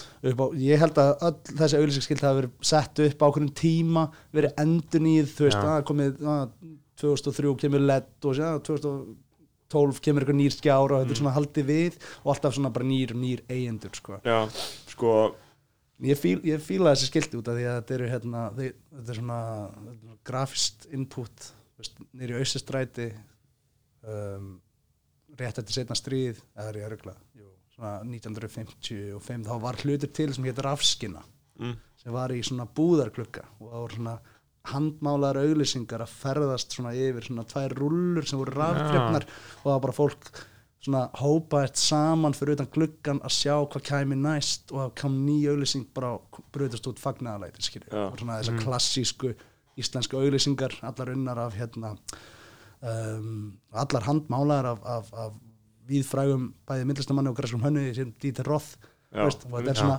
þetta er eitthvað svona gammalt revival í, í svona mínum pælingum af því, að ég veit það ekki Já, ég- ég- rafskina, ég fíla það sko, það er atna, líka heldur gott orðið yfir þetta sko já, Rafskina. 100% Já. sko, og Dieter Roth, ég kannast þetta nafn sko, þetta er Hann eitthvað er- þjóðveri helviti sko se- að- að- Seyðisfjarðargæinn, aðflytja, ekki? sko. hann er stóra og góða fjölskyldi hérna sem, Já. að- sem, að, sem að stend- stendur eftir hann og, og Já. jú, Já. fræ- frægur að segja sver bara að segja sér, hann bjóð þar eða Já, og og það er svona mikið legacy ég, ég bara, veistu, jú ég, ég er ekki alveg með söguna sá hreinu en ég veit allavega að eitthvað ætt fólk hans býr á segisfyrði og um, mikið af þessum sem sagt, skapandi greinum sem að hafa komið sér saman á segisfyrði og vinnustofum og öðru eiga sér uppruna að rekja til hans sagt, áhrifa þar. Já sko segist fyrir þessu gott place maður. Úr, úr einu yfir í annað dæmi sko. líka þarna Snorri, þú hefur ekki að fara að lunga Nei, ég var eftir að eða lunga. Sko. Einmitt. sko, sko ef, ef að hérna, að heyra í þessum gæja ég er bara, ég er með hann hérna á okkur meili set, henda skoðanabræðurum upp á okkur svona fucking skjámaður já, Já, það var þetta setja ykkur upp í ykkur fastegna Þannig að sko, en, en lunga, að því að lunga, það átti að halda þetta náttúrulega vantarlega um ár eins og bara önnur ár. Þannig að þú veist, COVID hlýfði lunga um eitt ára COVID, COVID, annars hefði þú mætt og eða þetta COVID heldur sko að lunga hafi verið slemt fyrir sig en það var í rauninni mjög gott að þetta framleiti þetta um eitt ár sko. Já. og ég, ef ég fer að lunga næsta ári þá er ég að fara að rústa í lunga er það besta og mikilvægasta í lífi ungra Íslandika að upplifa. Lunga, lunga er ég hef sagt, Epic, sko. ég hef sagt þannig að það komið fram með ég hef sagt það áður þessu hlaðarp en þú veist, árið sem ég fer að lunga verður síðasta ár lunga þú hefur aldrei farið að lunga Nei, ég hef aldrei farið sko. verður að og það, fara. það, það gerist alltaf eitthvað sem læti mig ekki fara skilur. Og ég vissum að þú veist um leiðu ég fer þá er þetta búið. En, en sko veist, og þá er hæpið búið þá er bara búið nýja hátíð algjörlega endur hugsa dæmið skilur að því þá er þetta orðið það það íhaldsamt og mainstream sko. En mér langaði í fyrra en það var náttúrulega ég óneitanlega, ég, ég neita því ekki að, að það var það hlakkaði í mér að sjá hamfarirnar sáu þetta, varstu alveg fyrir það? nei, Nei. ég, ég var hana, þetta var rosalegt. Þú varst að þetta voru hamfarir af því ég var næstu í farin hvað var eftir sem komið Bara rigningin. já, Þa, það, það, það, var bara, það var eiginlega bara mandrápsu veður Já, Já, já. þú veist, það var, þetta var mannskaða viður sko, Tjálsvæðin eða já, út um allt sko. og bara út um allt. Og ég var skulið að því ég var alveg að við það að fara. Og, og svo sá ég eitthvað spána og þá var, bara, var það bara var þetta bara einhver vinnuhelgi þannig ég var bara að vinna. Og, og þú veist, og það var alltaf eitthvað fokkaður, við erum að fara við gáðan okkur. Og síðan var þetta bara, þú veist, ég hef aldrei síðan aðeins, ég var bara að sjá footage af bara fólki í tjöldum og það var bara, heyrðu það er byrjað að leka það er byrjað að leka í tjaldi og það var bara miðnótt, það var bara fossaði inn í eitthvað tjald yfir sveppoka og ég var bara, oh my god, ég hef aldrei á æfum minni séð verið aðstæður. Og svo tók ég viðtalið Berglindi Festival á uh, lunga því ég var bara að taka status check. Og ég setti svo slæma fyrirsögn og lunga stjórnendur voru svo óanað með fyrirsögnuna þau voru að ringja og ég sá það ekki strax en nú erum við G's, ég er búin að sættast við þau að því ég sagði að það væri rigning það vissu samt allavega að vera rigning og ég verið að segja, ég verið að segja sannleikan uh, það var erfið staða sko. ég, það var, það er, ég, ég, ég er ennþá að býða eftir að fá að fara, fá, fá að fara Já. ég er ekki að lunga sko. lunga er alveg epist sko, rigninga ekki en ég menna, mér langar ógeðslega mikið að lunga ég væri ógeðslega til að fara sko. Seyðisfjörður líka bara svo go, gott place sko, já, þú bara passið ykkur bara á liðinu sem er að jamma hana sem að býr, þú veist eilstum og neskupstað Já, sem kom, kom til að fæta það er alveg gúnsana sko Já. sem Já, er bara öðru lev, leveli sko Beggi, voru við ekki einhverjum massíf samskiptum jú. eigin stað gúns Sko, aust, þið eru ykkur safe sko en þú Já, veist það er sko það, uh, bræðirlægi er nokkuð djúft á austfjörðum sko. Já. uh, Neskupstaður, það eru menn sem halda sér niðri fyrir okkur sko. ég hitti þá síðastlega söma á nokkur sinnum sko. Þegar ég átti, átti leið hjá austfjörði sko. en síðan var ég líka að frétta það sko, að bræðirlægið uh, er eiginlega dýpst af öllum stöðum, við erum að tala um dýpri fokkin sjórin sko. Á í Mývatsveit Daddy's Pizza. Já. Er bara þar er bara, þú veist, þar hittist fólk sko í bara einhvers konar í samkomuhúsunum og ræði nýjast að það sko. félagsheimilinu. Já, anna- annars sjátt á eilstæði sko. Við, hérna, ég hef verið þar einu sinni sko Já. eigin kona mín á, á fjölskyldu þar sko. Já. pappina býr þar á samt, konu sinni og, og yngri bróður hennar. Sjátt á Heikir Ingi, ef hann er að hlusta. Er ekki, er ekki hún er ólstun upp út á landi? Hún ólst upp bæði út á landi og í bænum. Já. Mhm. ég held að, að það sé mjög æskilegt fyrir uh, borgarbötn eins og okkur, þú ert vantilega mikið borgarbötn við að mestu leiti já, hérna, bara 100%, 100%. gætir ekki verið meira borgarbötn uh, ég held að það sé mjög gott að eignast einmitt konu út á landi. Ég meina, við vorum að keira út á land um daginn tókum Snæfellsnesið veist, hún, er, hún, er, hún er miklu betri en ég að keira út á landi. Ég bara, þú veist, það er ekkert, það er ekkert, ekkert hérna, til að frá með okkur eða, eða, eða álíka. Nei. geta alveg keirt en bara svona, ég byrði hana bara, vilt þú keira og því að mér líður bara betur þú veist, og því að ég náttúrulega er kannski bara óvanari því að keira út á landi heldur en hún, þar sem hún basically, þú veist, þó hún hafi reyndar lært að keira í Reykjavík hún, er- er búin að vera í leiknum hún er búin að vera að keira austur einmitt. Mhm. Við Það erum er ekki það, alveg, sko. ég og Beggi erum að fara að keira út á landa á morgun sko, Ok. já, já. við erum að fara austur vel bílaðir eða um, erum á Jimmy, sko. Jimny, já, það er slæmi í honum viftureimin og það ískrar helviti vel í honum þegar hann er að fara af stað sko. Lítill bíl líka með þröngt Já, og það, er, og það er ekki bluetooth eða auks, sko, hann er til að hlusta á útvarpið, sko. það ekki bara með ykkur ykkur svona pillu Já, ég hef mitt fara að retta því í dag á morgun, sko. tengi Já. hana í rafmagnið og bara skýtmix eða eitthvað Já, já, við, við, við um, nei sko En sko, e, já, e, Egils, Egilstaðir, sko, ég hef verið þar, sko, ég, já, tvær mjög skýra minninga þaðan, sko. Uh, ég var þar þegar Mac Miller dó, sko, sorgafrettir, sko. Satt inn á, na, satt inn á dænernum, sko, og þegar allt henni komið frétna bara eru Mac Miller í dag, en allir voru bara, what the fuck. og bandariska dænindum Já, eitthvað, er þetta ekki sem svona he- óinteressant staður? Nei, sko, hann hefur allt til alls. En- og var eitthvað sem sætti Twitter daginn, ég var bara super sammála hann Mhm. hefur allt til alls, hann er bara með lúki upp á tíu þetta er einhvern veginn skilur bara, bara, þetta er eitthvað svona þú veist að gera eitthvað í tölvuleik og vilt hafa eitthvað svona old school diner lúk og eitthvað að hafa þetta þá bara beislega er það það Já. hann hefur, það er allt upp á tíu nema maturinn sem er bara hryllingur Mm. Já, já. farið og gera eitthvað í þessu ef það eru að hlusta það sko. Já, maturinn var bara yfirgengilega ógeðslu, Já, bara, von, bara vondu matur, Já. bara eins og hann hafi verið veittur upp á blöytum vask Jep, dæmi, sko. í hann var tekinn sko. aftur upp á vaskinu sko. Já, nýttum þetta og, en, en, og síðan var ég líka þarna núna í ár þegar fyrstu fréttinar að COVID komu sko, að, að COVID var komið uh, úr Kína sko. Mm, og, og þá fór allt í panik þar sko. Og við, við vorum á hóteli sko. Og þá byrjaði að koma afbókanir á hóteli sko. Og þú veist það, þetta var bara alveg byrjun COVID, það var í svona loki janúar. þetta mun hafa verið þá í februar þá var eða byrjun februar, já, eitthvað svoleið sko.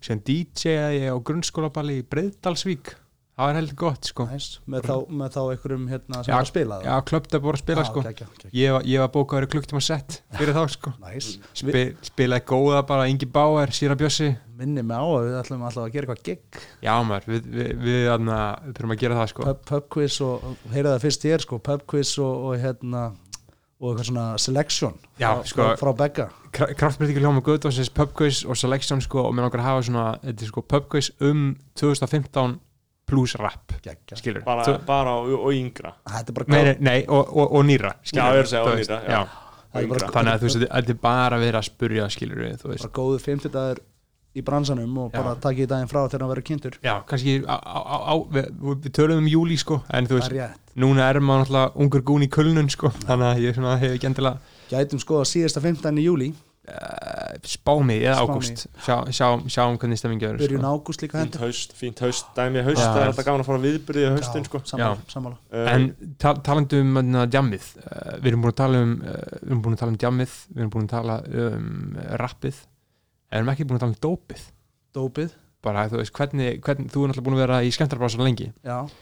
Uh, eiturlega neysla á djamminu þú veist, hvernig hefur hún þróast og breyst hefur þú séð það bara first hand eða við erum alveg með frekar skýra sína þetta allt saman sem að Mhm. fela í sér alveg svona zero tolerance fyrir veist, hör, hörðum eitilugum Mhm. veist, weed er alltaf að nægst þar á kantinum og er svona rauður þráður í lífum mjög margra sem að stunda alla skemmtist af landinu og, og, Já, já. og af öllum stjættum en ég meina veist, ég meina við sjáum þetta gerast, við sjáum Mhm. fólk fara niður á við og upp á við veist, þetta er þetta jam, jammið getur verið mjög gott svona viðvörunamerki um það hvernig þú ert ekki að vera sko, mm veist.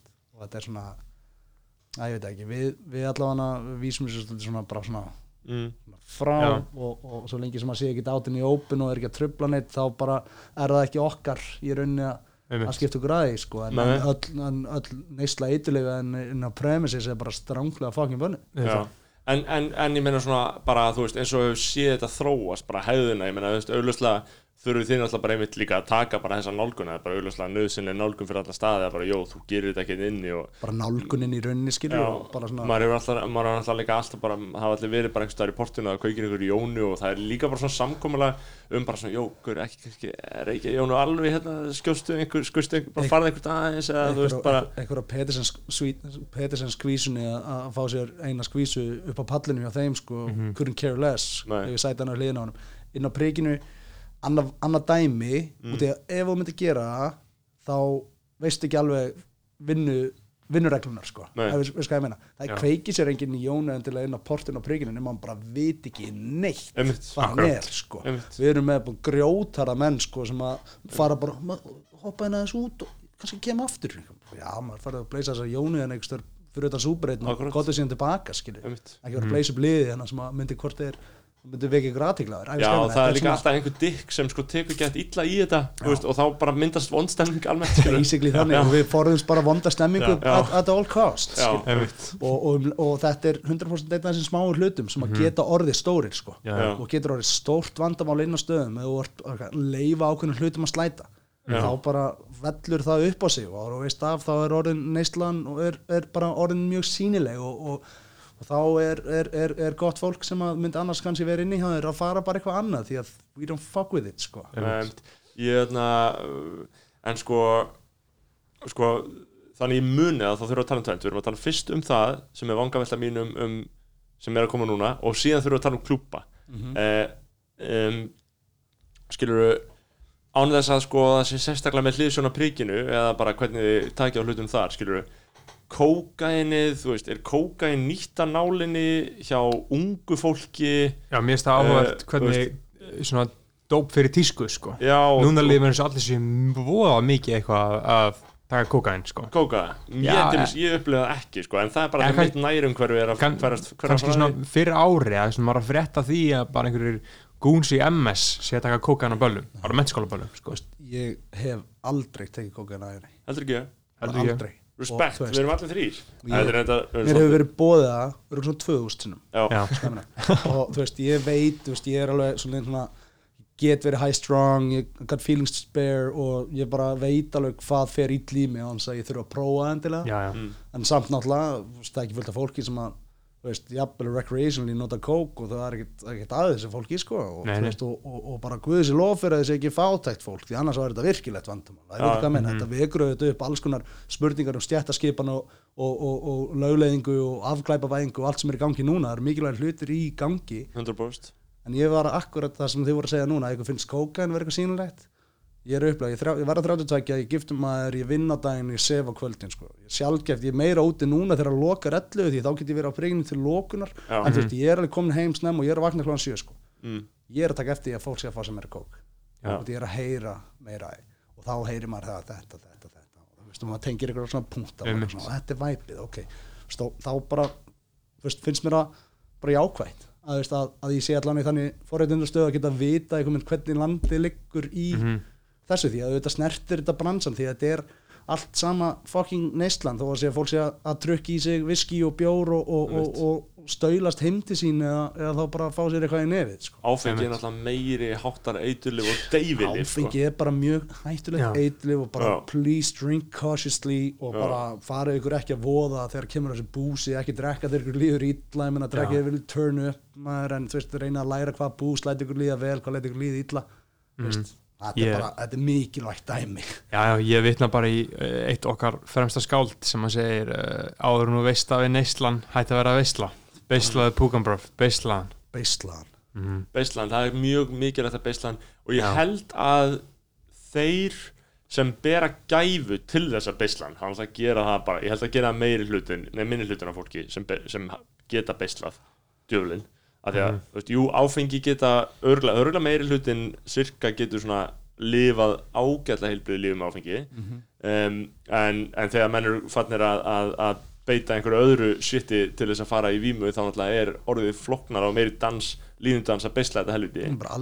Um, en ég held náttúrulega að það sé ekki náttúrulega mjög, sé mjög gott líf fyrir mörgum, eða þú veist það eru margir sem lifa mjög góðu líf og bara mjög mjög beisluð eiturlif í lífinu sínu, skilur um, og talandi um það, skilur, klúbanir við erum með hérna á Íslandi. Við vorum að, meira að tala um þetta, bara ég og þú vorum að tala um þetta Jeff í ammæli hjá um, Steini og ammæli hjá Unstinni episku ammæli epic ammali uh, gaman að sjá okkar fólk stíga stokk aftur. Það var aðeins og stórt partí fyrir mig. Sjátt þetta á Rettur ég, Stefson, ég er mjög þakkláttur fyrir að sjá ykkur live aftur. Já, það, það var stemming sko á tíbála í þessu ammali sann sko Já, það, var- það var mikið álæg sko, ég, ég fór fyrir heim sko, ég var svo var- stressaður sko. Þetta Ég og var mikið- mikið- Maggi Leifs buried up sko Já. Já. framan að saman, það var alveg mega næs. Þetta var mikill mm sko, en síðan fór ég bara að dansa og ég var alveg í feitu væpi þar Mhm. sko, en, en það var típa ála eða svona á góðan hátt á skilur. góðan á- hátt, þetta var- á það var góðan bara play- það voru player á stanum, skilur þetta, Já. B og, heitum ég emringur í MH-partí sko. já, ég mitt, Já. ég mitt þarna þarna er ég ekki á heimavelli sko. Mm. um, en nýt mín ágætlega í kringum MH-inga fyrir utan þegar ég tala af mér og dissa og mikið sko. en sko uh, í því partí þá vorum við að tala um vorum að tala um að skilur núna erum við alltaf með þessu opnunatíma uh, við erum með þetta 11 ástand og það er alltaf bara eins fókt upp skrítið og, og það er og, og, og svo framvegis en ég var að vonast til og sagði það um til því að ég var að vonast til að þetta gæti gefið einhvers konar stökkpall fyrir einhvers konar nýja þróun. Ég meina, þú veist, í öllum svona aðstæðum þá er eina leiðin er áfram skilur saman hvernig framþróunin byrtist Mm. og ég er 100% á þeirri, þeirri bylgjulengd ég meina, auðvitað er ömulegt að, að, að taka nú er þetta ástand sem að er lókun 11 og, og bera það síðan saman við álæði sem að var áður þegar þessi löngu opnunutímar voru svolítið svona uh, búðarferð ákveðna staða og, og, og okkar líka. Og ég meina veist, ég er að prófa nýja hluti upp á priki ég er með metal tónleika á föstu degi næstkomandi með Unimi Ser sem ég aldrei gert aður, tónleikar inni og það er bara, ég veit að það er styrlun að gera því að þetta er bara keirsta frá 9 til 11 og verður með eitthvað partí á undan og bara svona bla, veist, rými til og já, akkurat kannski verður að hendingu verður þessu öllu breytt og það verða allir staðir í, þú veist, við bankstræti lögaveg og, og niður fyrir læk að loka klukkan eitt. Og jammið verður að færa sig út að aðra staði, kannski munum við nýta tæki, kannski munum ykkur nýta tækifæri til að koma því áfram inn í ykkur, ykkur svona form, þar sem að verður meiri ró miðsvæðis en við færum þetta heavy jam sem að greinlega samt verður að vera, því að þetta sprettur upp þessar górkúlur, þessi fucking jam eftir, Þa, það er bara þannig, það er mikil eftirspurn og ég meina ef við gætum verið með út Já, mér líka, ég væri mjög til að geta að fara á djammi til 3-4 sko. Meina, núna er bara, fólk er bara að þefa uppi og bara kannski koma inn í bakarinn hjá okkur liði sem er að halda partí, bara maður vera með bara, þú veist, bara frétta, klukkan hann er hálf tólf skilur, auðvitað er líf í fólki og líf í glóður, maður báli logar, Já, þannig að tökum bálið og ferjum þetta bara einhver þannig, fyrir með þetta út að granda fyrir með þetta eitthvað fokkin vöruhús skilur, sem við getum bara, það er bara eitthvað dæmi í gangi þar og það kannski er í gangi til hvernig fimm að matana, ég væri til í ég væri til í gæti virkað. hardcore klúbba út að granda.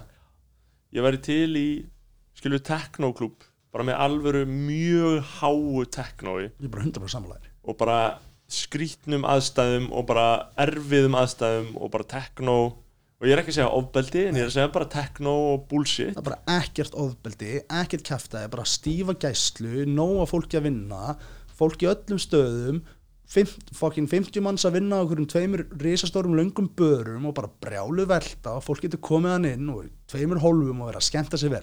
Skamina, það er ekkert flókið að framkvæmda þetta, skoðum þetta. En sko, veist, Af hverju hefur þetta ekki verið gert á Íslandi? Ég, ég Af veit það af ekki af því að við erum ennþá með djammið inn á prikkinu á B5 skilur, við erum ennþá með djammið til Já. 5 fólk, þar fólki er fyrir utan priggi klugan 5.30 bara, rá, rá, í góðu veðri að draka sem bjór, skilju Já, já. klugan hálf, hálf 12, þá drýjum okkur maður Bjarki fyrir að byrja að spila að því að priki væri, þú veist, priki væri náttúrulega bara í eðlu samfélagi, Mhm. þú veist, ef við værum ekki með, þú veist, svona ákveði undarlega stöðu, þá væri priki náttúrulega bara staður sem væri kannski bjórar og smá djam og dans til kannski tvö, þrjú eða eitthvað þannig en, Ko kofabiðin hefur búið til innan kraft sem við þurfum að setja í rýmið og, og, og Já. þú veist a lot of cleaning involved en, en þú veist, það, það er ekkit klúppur skilur, klúppur er bara það sem þú ferð bara og djammar og bara ert í algleimi skilur, og getur og, veist, og það sem er eðlilegt að fólk sé að fá sér einhverjar e-töflur eins, eins mikið og lítið og maður vill hafa það skilur, en þú veist að það væri einhvers konar bara techno-djam skilur, mm það, er, það er svo mikil veistla að dansa á þannig stað bara í þrjá klukkuna, það er alvöru bara liberation. Bara byrjum á port nýju, fáum okkur tvo peróni, chillum aðeins, spjöllum við strákana og færum okkur síðan eitthvað annað við getum jafnvel kíkt á B5 eða prikið og það er eitthvað í gangi þar það er eitthvað gegg, þú veist, fyrir partin klukkan orðið nýju, það er eitthvað tónleikar byrja, sjúklega næs, geggja veður fullt af fólki nýr í bæmar, eitthvað skúrur svo hlaupat út um allt og allir í stöði ára við staði klukkan orðin 11 og þið eru bara eitthvað, herri, gýrum okkur upp fárt að granda. Bara, þú veist, B, B, B, B með kvöldana bara og það lokar ekki fyrir klukkan 6 í fyrramáli sko. Bara let's go. Fokkum okkur upp og bara nota blanda skilur. þetta tekur ekkert miðbæinn úr klausin þetta, þetta, er bara, bara laustu vandamálum sko, Já. og alveg mikið sóknarfæri. Og, veist, og sérstaklega sóknarfæri eins og upp á Erlend tónlistafar mm það, er bara, það er Travis Scott tónleikar út á Granda í kvöld skilur, bara Já. byrja kláðan 11 bara, það er rodeo skæmina, þetta er hægt. Mm. þetta er alveg hægt. Mér langar ég mitt í eitthvað svona aðeins meira fucked up shit, skilur, að því að, að því að prikið, minna, þó ég kom að það kláðan fjögur og sömur, þá er það bjart inni, skilur, þú veist, það er bjart inni og ég sé andlitið á öllum og ég þekki alltaf, þetta er bara hæðin. skilur, við náum að dekja út neðri hæðina sko efri hæðin getur verið erfið hann fjögur tutt að reyna að hafa, að reyna að hafa dimmt. Mhm. Þeir, þeir, en þeir reyna að hafa dimmt ekki, menn vilja hafa dimmt. við, við dekkjum neðri Já. hæðina alveg sko Já. en, en efri hæðin, hún er bara með gluggum og það, hún tekur bara við öllu því ljósi Já. sem er úti Þannig að það er, þú veist. Þannig að maður er einhvern veginn, þú veist, þetta er, þú færið ekki, þú ert ekki jafn miklu svona, þú veist, þetta getur verið að demma og drekka, en þú, þetta er ekki að sama og klúbatin eru úti, skilur, bara allt annað um, ég meina þetta gæti orðið til þess að þú veist, þetta gæti orðið ég meina, veist, öðru sér attraction því þetta tekur ekkert kofa jammið burt, sko, maður er alltaf svona bera saman, veist, eins og maður fundist yfirvöld vera akkurat að bera sagt kofa jammið í Reykjavík við klúpa jammið í þú veist, sem að meikar alveg sense in a way því að þetta eru svo mikla sartínundós er að bara vera tróða fullt af fólki hann inn og, og vera að ná eins miklu út um og getum og, og búið til góð kvöld og síðan bara búið veist, en það er hægt að gera svo miklu stærri hluti með þetta og ég held að akkurat að þessi vöruhúsa pæling sé eitthvað sem ætti að vera löngu komin í gang. Og því við sjáum það sérstaklega núna því að ansvarið við þessu COVID-dæmi og hvað hefur gengið á og, og, og þetta innan gæsla bara reyðarslag fyrir Íslands snætulíf hefur búið til eftirspurn eftir einhverju öðru og næsta lógíska skrefið held ég að sé 100% þetta, þetta myndi skapa svo mikla vinnu fyrir svo mikið af fólki og ekki vera að taka að finnu af neinu fólki. Þið myndu alveg lifa þetta af. nei, við myndum bara elska þetta við varum með, sko já, Já. við, við myndum bara vera með klúb, skilju já, það er bara þannig, það verður bara tvö, tvö sjós skilju, við Mhm. varum með klúb já. við myndum bara vinna í því að vera með klúb ég myndi bara vilja vera með klúb Já, þú verður að stopna klúb. bara- Þú verður bara að stopna klúb, sko. ég, erum, að- ég, ég er bara með hausinn hana, skilju út af því að ef ég var ekki með hausinn hana þá held ég að vera að gera eitthvað veitlist Einmitt. því að Já. mér finnst þetta allt er að benda í sátt og ég meina, það kemur að því, við þurfum að taka þetta skref það var bara hver er með rútunar, skilju Ferjum liðið, Mhm. gerum þetta Smetla sér út á granda, enga stundanga, geggja svæði, ferst svæði. og allt í samstarfi yfirvöld og, og, og bara, bara veist, secure areas veist, og, og annars að þetta yrði, skilur, annars að þetta yrði berghæn, skilur, það geta bara verið næ staður og bara með góðri gæslu, það getur bara haft mikið öryggi á svona stað, skilur. 100% Og bara fólki sem bara er í gæslinu og veit alveg hvaða fólk er alltaf með leiðind og bara þetta fólk fer ekki inn, drullar heim, skilur. Svo bara, þú veist, segjum að sé minna en annað, þú ert með tvö rými og getur búið til þetta og það, er hægt að leika sig með þetta sko. Þetta, þú veist, þetta er 100% geðveikt, sko. Þetta er geðveikt, sko. Já, ég sé, svona, ég sé þetta fyrir mér svona þetta er, svona- er, sorry, þetta er að breytast já. þetta er svolítið en var þetta, var þetta ekki svona í? Gamla dag var opið til fucking sex Já, ég er að tala um eitthvað svona ég, ég sé þetta fyrir mér í svona svartur og leik aldamótapartí sko Já, ég meina, Já. þú veist, það var, ég meina, þú veist, það voru staðir veist, ég vann á príkinu eina helgi ég var í listaháskólanum hina dagana ég var príkinu vakstjóri skólanum að það hina fimm dagana algjöru, algjöru rugli og svo er ég vakstjóri á öðru staði sem heit Jakobsen sem að núna er Londromat. Mm. það var svona after hours staður, svona reif já, ok, kjallaran var Jakobsen, þá voru alltaf að preppa barinn á neðri hæðinu bara klukkan sjö um morgunin Já, þá erum við að búa okkur undir bara the second wave af fólki, búa að vera eitthvað jammu uppi, breakbeat og eitthvað, alltaf vera vitlist legstir í staður, Jakobsen. Já, fór í algjört tíma sko. Stórt, stórt gjaldrót eða? ég bara er ekki með að reynu sko en þú veist, það voru einhverju brúsar á landa sem fundust og bara Já, já. tunnur á landa og bara svona weird dæmi í gangi sko. Mhm. algjört fucking mm, bara hrikalegt væp Já. í þessum kjallara sko. Og þú veist, núna er þessi kjallari sem svona barnasvæði Londromat Já, og einmitt. svona hólfin í veggjunum hana sko. Ég bara, ég vil ekki fara úti í þessi hólf sko, bara viðbjóðurinn sko. Sittið sem að let mig geta, hefði getað þrifið þetta klósett með, þú veist, annari hendi. Þetta, það, Það var búið til þarna skil, það þetta var verksmiðan í rauninni sko, eitthvað- hrækti mér út og ég varð að vera sterkar fyrir viki annars myndi ég tap í lífinu skil. já, við erum bara að tala um einhverja kongulæður og leðflögur já, bara eitthvað, ég fer ekki út í það sko. já, Það er málið sko.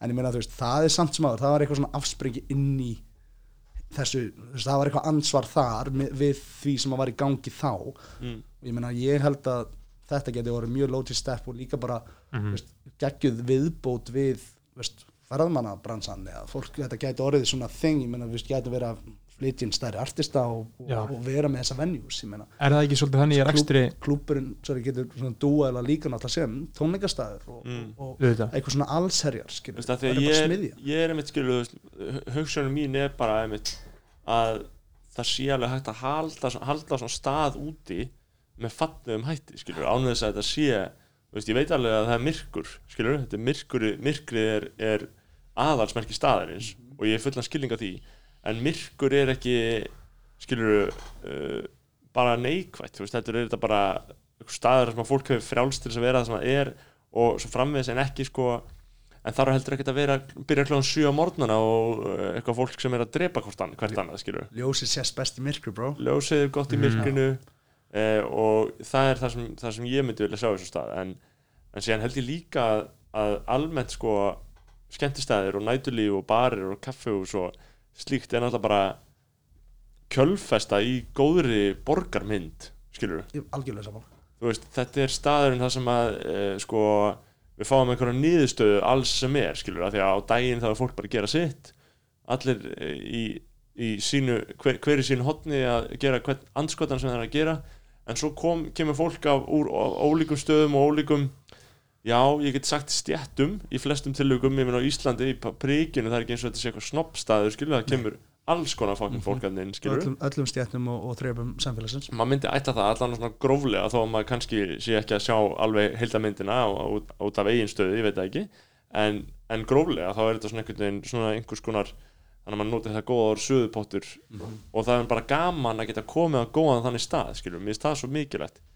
Þetta er, þetta er, þetta er hlekkur í samfélags, samfélagskeðinu Já, sko. algjörlega, sammála. Og þetta er líka bara eins og við tölum um að dreifa þessu álægi skilur, hvort sem að sé af yfirvöldum eða sem að þú veist, eru undir miklu álægi akkurat núna eftir 11 ég bara myndi, myndi ekki meika vera lauruglumæður miðborginni og vakt eftir 11 sko. svakalegt það sem gerist þannig eftir þetta ég var, þetta er bara kaos, Já. þetta er bara crazy. Það er bara að klifra upp á þak og fylgjast með þessu. Ég var að tala við mm, ég var að tala við þarna hann einhvern tíma lögunni, ég man ekki alveg hver það var. Og hann var að mynda að segja það bara þú veist, við, það tekur okkur það var Jói Kalli hann það tekur okkur eftir að þetta lokar það tekur það tvo tíma að bara koma böndum á hlutina eftir, Vá, bara að bara- reg regjuleita já, hann segir þetta gerist alveg á sumrin eftir fimm en það er hálftími skilur og Það þá vill fólk fara heim sko. fólkið sem að, þú veist, það, helmingurinn að liðinu fór heim klúan 2 einmitt, hinn, hinn 25, eða, önnu 25% fór heim klúan 4 einmitt, dreifu sig heim. Mm. Það er bara þessi 25% af fólkinu sem er eftir sem að einmitt. þarf að díla og 10% þeirra sem vilja vera áfram eftir fjör, Nú, 30 skilur 100% bara allir bara veist, kík, kíkjum á Arnarhól lítur öðru í gangi, já, kíkjum Já. öskilín, það er einhver að jamma þar, ég Já, já. veit það ég, ég, ég heyri mjög mikið í mikið af fólki á hverjuskoðunni sko. Mjög mikið af fólki úti sko. bara organdi en alltaf bara uh, stemming sko. ég meina, ég, þetta er ég, mikið gleði sko. Já, ég það sé miklu meiri sko. sorg í, fólk, í mannskapnum eftir fimm sko. já, já, ég meina, ég get Sammála. bara ég loka glugganum og það heyri ég ekki sko. Þú veist. þetta er mjög góð punktur vera að spá í þessu mikið já, fólk er bara sátt með lífið sko, sko. það er ekki eins og að sé út í að snöndum með maður ah, taka, ég ætla að lappa hérna á maður ég, ekki, þú veist, ég var að vinna en í allt kvöld á barnum og gæti lendi í þessu þannig sem að rappa hana og ég það eftir 11 það er bara, allt eru það jolly er bara sko. vikivaki skilur, það er bara partí. Bara hvað er liðið skilur Mhm. En það er smá hannig það er Já. þannig og, og en, en, en það var svo áhugavert að þetta taki tvo klukkutíma. Þetta tekur tvo klukkutíma sko. brútal. Já, það, það er leikur við, þau og, og við erum ekki að fara að sjá aflettingar ég var náttúrulega ég var alveg tilbúin að segja þær fréttir að það mætti vera óbært leitt sko. það er ekki á þessu ári haldið ekki ég er bara þar, ég er bara, kemur í er- ljós kemur í ljós, ég er er bara vonandi sko. verði ég látin ég þetta hatti minn sko en ári það er bara það er bara sem við erum að sjá sko málið er að eins og ég hafði sagt það var, ekkert Þórólfur var búinn að segja sko, að Þórólfur var búinn að segja já við getum hann var búinn að segja við ætlum að endur skoða opnara tíman hann það hefði pottit endað í eitt nema það hefði tekið eitthvað tvist á það skilur þau hefði aldrei bara gert til 12 Nei. Þau alltaf að fara allan alltaf eitt og það var bara að fara að gerast 13. júli núna það átti að gerast núna 13. júli uh, en shit done fucked up já, já. og þú veist að og núna ég veit ekki hvað gerist Ég meina, En það er líka- líka... ástand er ekki búið að skána síðan þá þannig að veist, það, það, það er allan ekki að vera að gerast í júli og það er ekki að vera að gerast í ágúst við sjáum kannski til í haust og, en ég meina, þegar haustið er komið bara mjög lítið eftir árunni sko. Um, já, og svo er þetta svo brútal líka þú veist, að þetta er þú veist bara ömrætt um áramótin Já, einmitt Þú veist, Já. Og, og bara allan vetur. Já, ég nenni ekki að vera, þú veist, ég nenni ekki að hafa þetta svona allan vetur, sko. Fólk missir tjammið maður. Pæli í því, þetta er svo mikil undirstaða lífsins hérna. Og, og, og, og það er náttúrulega, þú veist, það er svo áhugavert að horfa á umræðina að, sko, í pólitíkinni og í hagsmunabaratunni og þú veist, það er, ég meina, þú veist fólk sem er í ferðarþjónustu með samtök ferðarþjónustunar sjávarútverðinu með er, er með LIU eða hvað sem heitir núna SFS uh, og skilur, og et cetera, et cetera. Þið er ekki alveg með nógu Nei, sko, þið eru með eitthvað. það er alveg eitthvað en þú veist það er lítið um samráð. Það er alltaf einhver sem að er ekki alveg að, beislega er alltaf einhver að öndveru með en ég vil samt sem að minnast á sko uh, miðborgaráð, tón, tónlistaborgina Reykjavík og borgin hefur verið mjög duglega að koma móts við sem sagt uh, nætur hagkerfis aðila. Já, og þetta er einhver vinna sem hefur verið í gangi undanfærin ár, bæði bara með upplýsingaflæði og opni samtali og það var fyrir hvað, einu og hálf ári þá tekið stórt samtal sem að var alveg, þú veist, basically bara conference þar sem við fengum sem sagt uh, nætur borgarstjóra Berlínar mm, á samt teimi til að koma til Reykjavíkur og, og sem sagt bara tjekka okkur og segja frá þeirra vinnu þarna úti. Og þarna er basically í, í, í öllum stærri borgum út í heimi, hvort sé London eða Dusseldorf eða Berlín eða Tokyo eða eitthvað annað, þar er sem sagt nætur borgarstjóri ég var bara, ég ætla að vera já, einn daginn, það er bara ég er alveg til það, ég er bara rétt um hendi bara, hver, ég, bara, ég skal gera það nætur sko. sem að er basically bara þannig hann er bara þessi lína, hann er bara línan þá milli sem sagt lögreglu yfirvalda rekstraræðila, uh, borgar yfirvalda fjö, fjölmiðla ef út í að er farið og bara svona sustainability sko, þetta er samtal við nágranna þetta er fólki á, fólki á daginn þetta er uh, aðri rekstraræðar í umhverfinu þetta er, á hvað á Hrein- hvað hlið er hann hvað sér ég? á hvað hlið væri er hann alltaf ofnbæri hliðinni það væri, væri ofinbyrju hliðinu fyrst og fremst en sann sem áður talsmaður næturhækjur Mhm. þannig að þetta væri bara lausna miðað samst, svona lausna miðuð samstarfstaða sem að maðurinn eða einstaklingurinn sem myndi fara í þetta jobb væri Já, já. og þá væri hann basically bara svona gjallarhótt fyrir ákveðna hluti og basically blóra bökull fyrir aðra hluti. Það veit ekki hvað meina, bara einhver þannig það væri, stað það væri mjög öflugt sko. það er náttúrulega epic að vera næturborgarstjóri sko. já, já. það er bara sko titill líka sko. það bara Já. klikkaði til Þarna- bara um leið og miðnætti strikes bara dagur farin að sofa bara kemur einhver nýr. er- það er nætuborgarstjóri sko Jeff. Þarna, en sko málið er náttúrulega líka að, að þú veist eins og í Berlín þannig ef maður tek, tekur samanbörðin á því skilur það er eftir með þú veist út með ég bjóði þetta í Nauköln og það er bara þú veist það er svona eftir svona hippalegasti eða whatever hvað sem maður kallar það bara svona ferskasti staður að það er hann í Nauköln og það er Veserstrasse sem er hann rennur endilöngu gegnum eða þetta Nauköln og þar eru barir skilur sem eru opnir ég held að margir eru bara áttir allan sólreikin það var á Mhm. mín, mínu hotni bara svona þú veist, basically bara svona bjór kaffihús og það er bara opið allan sólreikin bara reykt, inni og þetta er bara legendary hotn skilur þessar ekka en, en síðan ertu með bara fullt af fucking nice börum og bara opnið til 2, 3, 4 en það er alveg óháð klubunum og síðan klubbar bara önnur veröld skilur þannig að þú veist hjá okkur er þetta eitthvað svona stífmóta ferli það sem þú þarf að fara á þennan stað síðan þennan og síðan þennan. Þetta er svona hýrarkía. Já. en þannig er þetta sko dreift já, og mismunandi og þú getur ákveðið hvaða kvöld þú ætlar að stíga inn í hvaða heim skilur snýst bara um nákvæmlega hvað þú vilt gera hverju sinni Já. og, og, og þetta brýtur niður akkurat þess að ég þessar svolítið sýnilegu veggi sem eru akkurat á íslensku jammi akkurat sko þú veist, ég, ég er alveg hjartalega sammálaði þetta væri svolítið útopísk basically bara jammi í er svona já það er ekki hægt að vera eitthvað við sko. við að fara alveg á sama stað en, en, en, en svo sannarlega hægt fyrirmynd, að, að, að, sjá hvernig þetta er gert þar í rauninu stærra, stærra samfélag og allt það en, en það á aldrei að breyta neinu sko. fjöldin er, er ekki issueið á Íslandi þegar það kemur upp að skemmtunafísni og, og einhverju öðru sko. það verður alltaf nóga fólki og, og, og ef við erum að tala um einhverja álagsdreifingu upp á eldri hús og eitthvað þannig og bla bla bla bla og Mm. þetta og hitt sko, þá, þá held ég að þetta sé bara eitthvað sem við getum vel bara okkur saman við sko. Mm. Það þarf að segja sko þessi hverfist myndun og, og þessi andi og síðan bara þessi fílingur sem að þú, þú ert í hverju sinni og hvað maður myndi vilja gera Já. hverju sinni En já, það, þannig ég víki aftur af því, þannig ég gleymi því ekki um, áður en við förum hugsanlega að huga að því að uh, að uh, hætta því við erum búin að gasa vel en ég er samt líka góður, er þetta ekki ferskir? eða? bara Já. góður Já, þannig að ég var að hugsa með mitt það sem ég var að tala um í pólitíkinni skilur, að, að þú veist, að sé ekki nógu sterkur málsvari sem er náttúrulega líka bara eðlita þetta er náttúrulega ekki eitthvað svona jafn gríðarlegt hagsmuna afl og sjávarútveginum, skilur þetta ekki miljardar bransi. Um, þá er samt skilur orðaðan þannig að skilur Þórulur og Alma og Víðir og Kata og ég veit ekki hver og hver þeim er alveg, þú veist, það er 100% safe fyrir þau að segja bara þú veist, þetta er einhvern veginn svona það er alveg svona sjálfsagt að skera djammið út skilur mér hefur fundist þess- það svo yfirgengilegt ekkert eitthvað yfirgengilegt en það er svo, það er svo blatant þú veist, það er bara algjörlega bara já þetta er smá smitt þetta en á sama tíma eru líka sætt stöður sund um, fjöldasamkomur skólar veist, þetta er svona forgansröðum skilur, djammið er neðst. bara hittar alveg heim sko. Já. þetta er svo fucking fárlegt sko. Veist, þetta er þetta, það, það, þetta, er, má, er máttarstólp í menningunni það er bara lítið ykkur nær hringi tvö símtöl sko.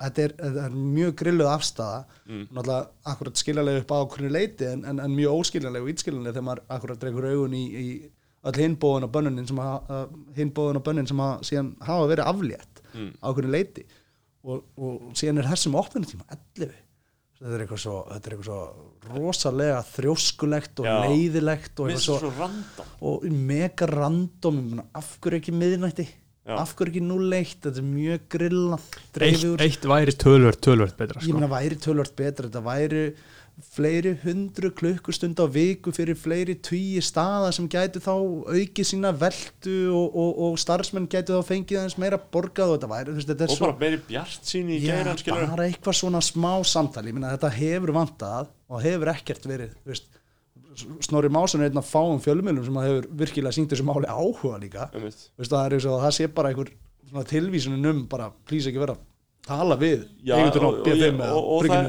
einmitt, og það er bara ekki svona einhver svona hefð fyrir skilur þú veist, af því að maður lobbyða bara fyrir því sem maður er þykja væntum skilur og ég er alltaf bara, ég keiri bara á þetta því ég bara hef áhuga á þessu skilur af því að ég bara, ég vil skegg, ég vil skegg ólíuna mína inn á prigginu Já. skilur En meina, þú veist, það er akkurat svo fyndi út í að samtali hefur ekki verið neitt. Það hefur ekkert verið að tala við mig, það er ekki neitt talað við finna og við erum bara svolítið að býða bara eftir einhverjum upplýsingum að þessum fucking fundum.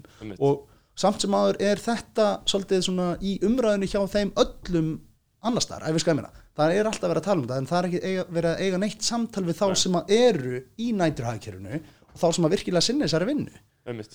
ég meina, mér finnst þetta lítilsvinning sko. þetta er það, bara algjör. Og náttúrulega, maður, maður er bara, það er langt síðan ég hætti að vera reyður ef við skæmina bara til að taka það fram. Þannig Já. að við erum ekki þar, við horfum áfram veginn og við bara, gerum að best úr þessu við erum fangin prikið maður, við tjöldum hér, gerum þetta, bam, bam, bam. Þú veist, vinnum með en stefn maður lítur yfir þetta og er maður bara, hvað?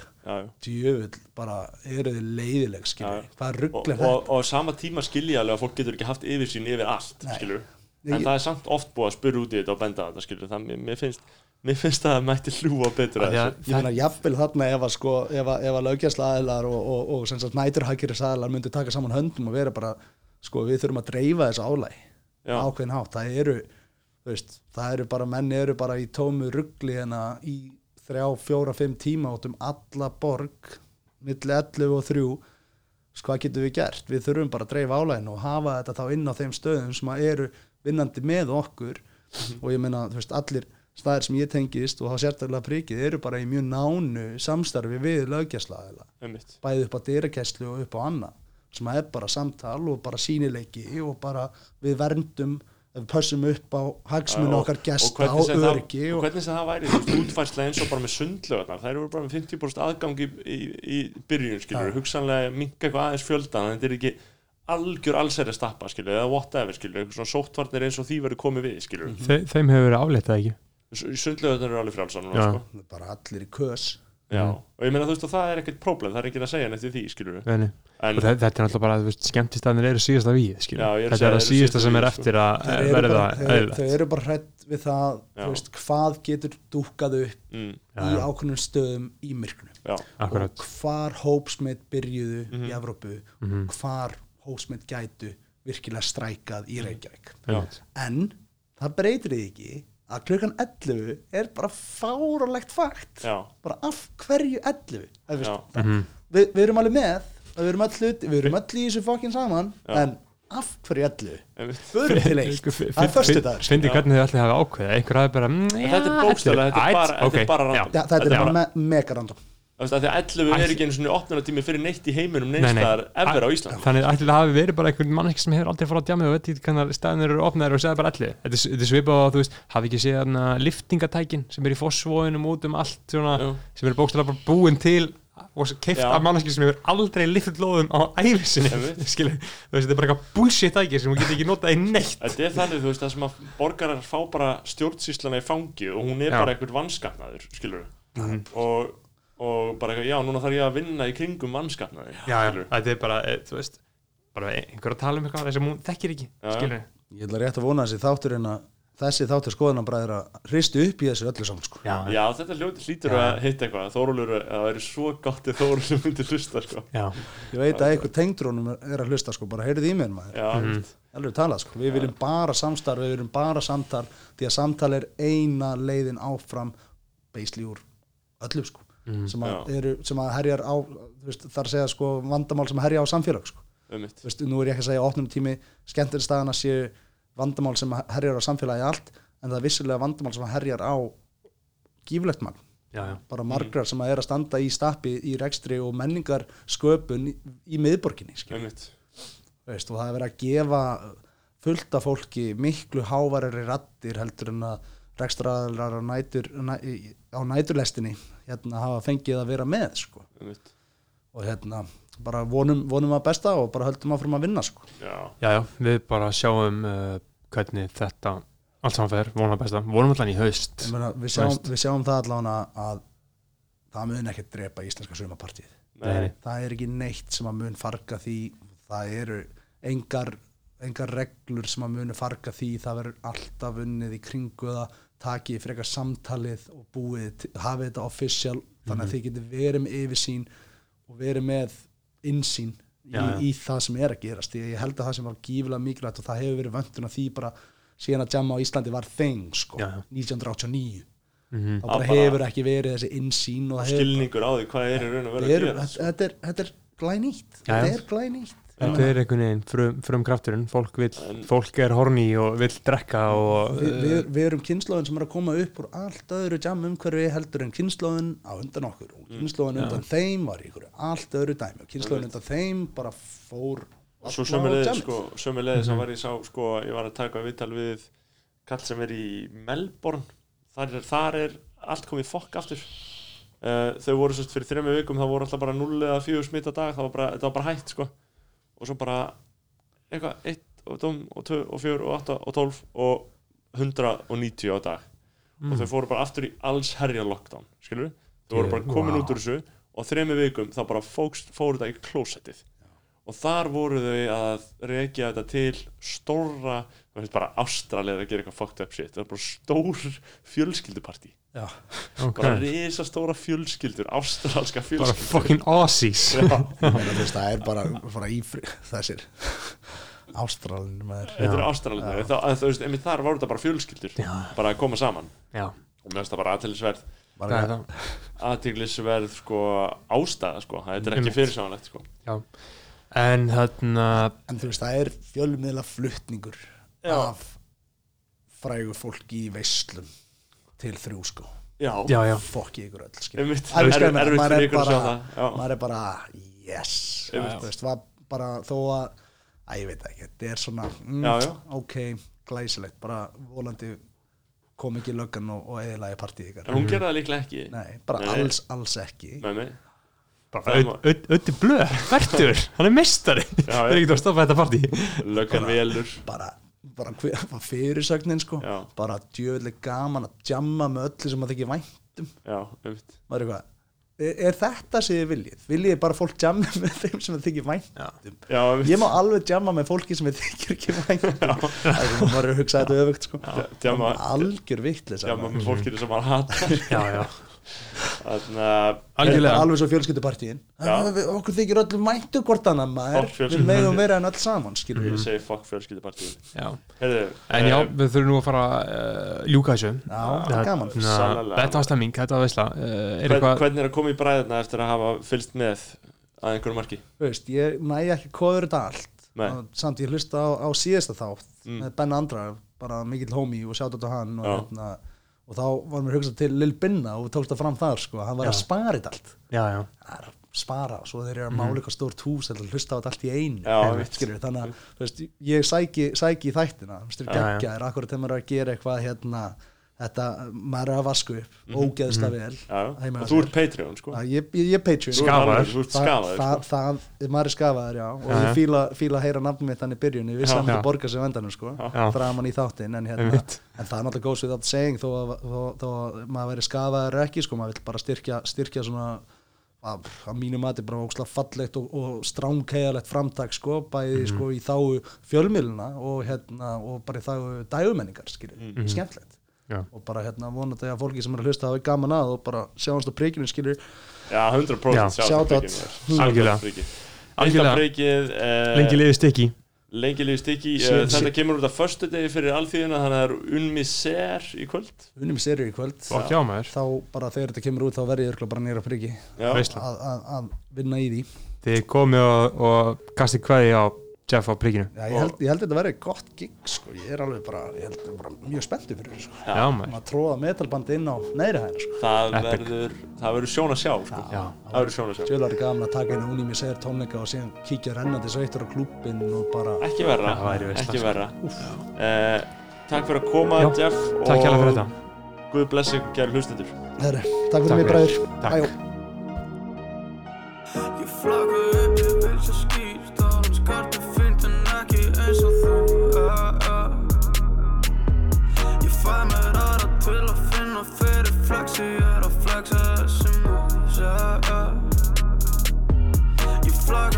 Ég vil svo skýrt Álum skartu fint en ekki eins og þú uh, uh. Ég fæ mér aðra til að finna fyrir flex Ég er að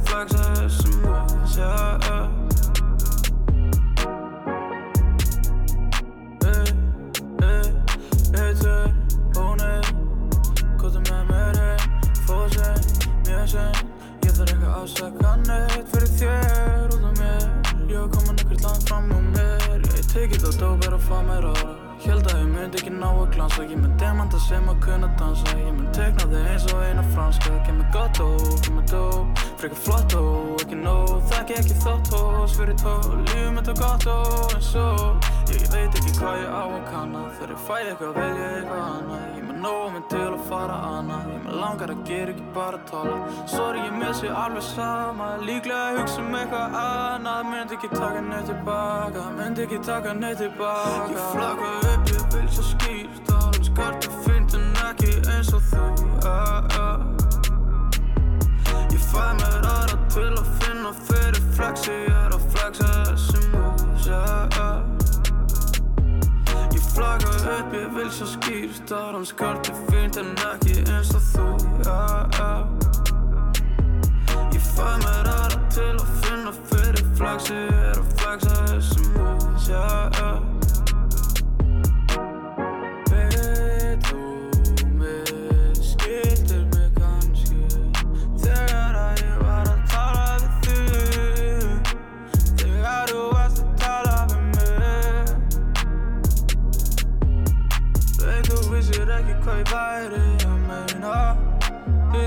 þú vissir ekki hvað ég var að reyna að segja.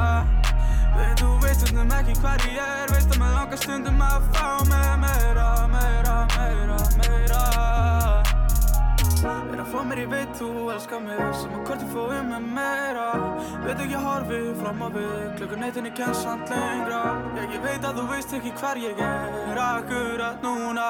Er að taka sér efni með líður vel. Samt bara Ég flagra upp, svo skýrt Og hún skarta fyllt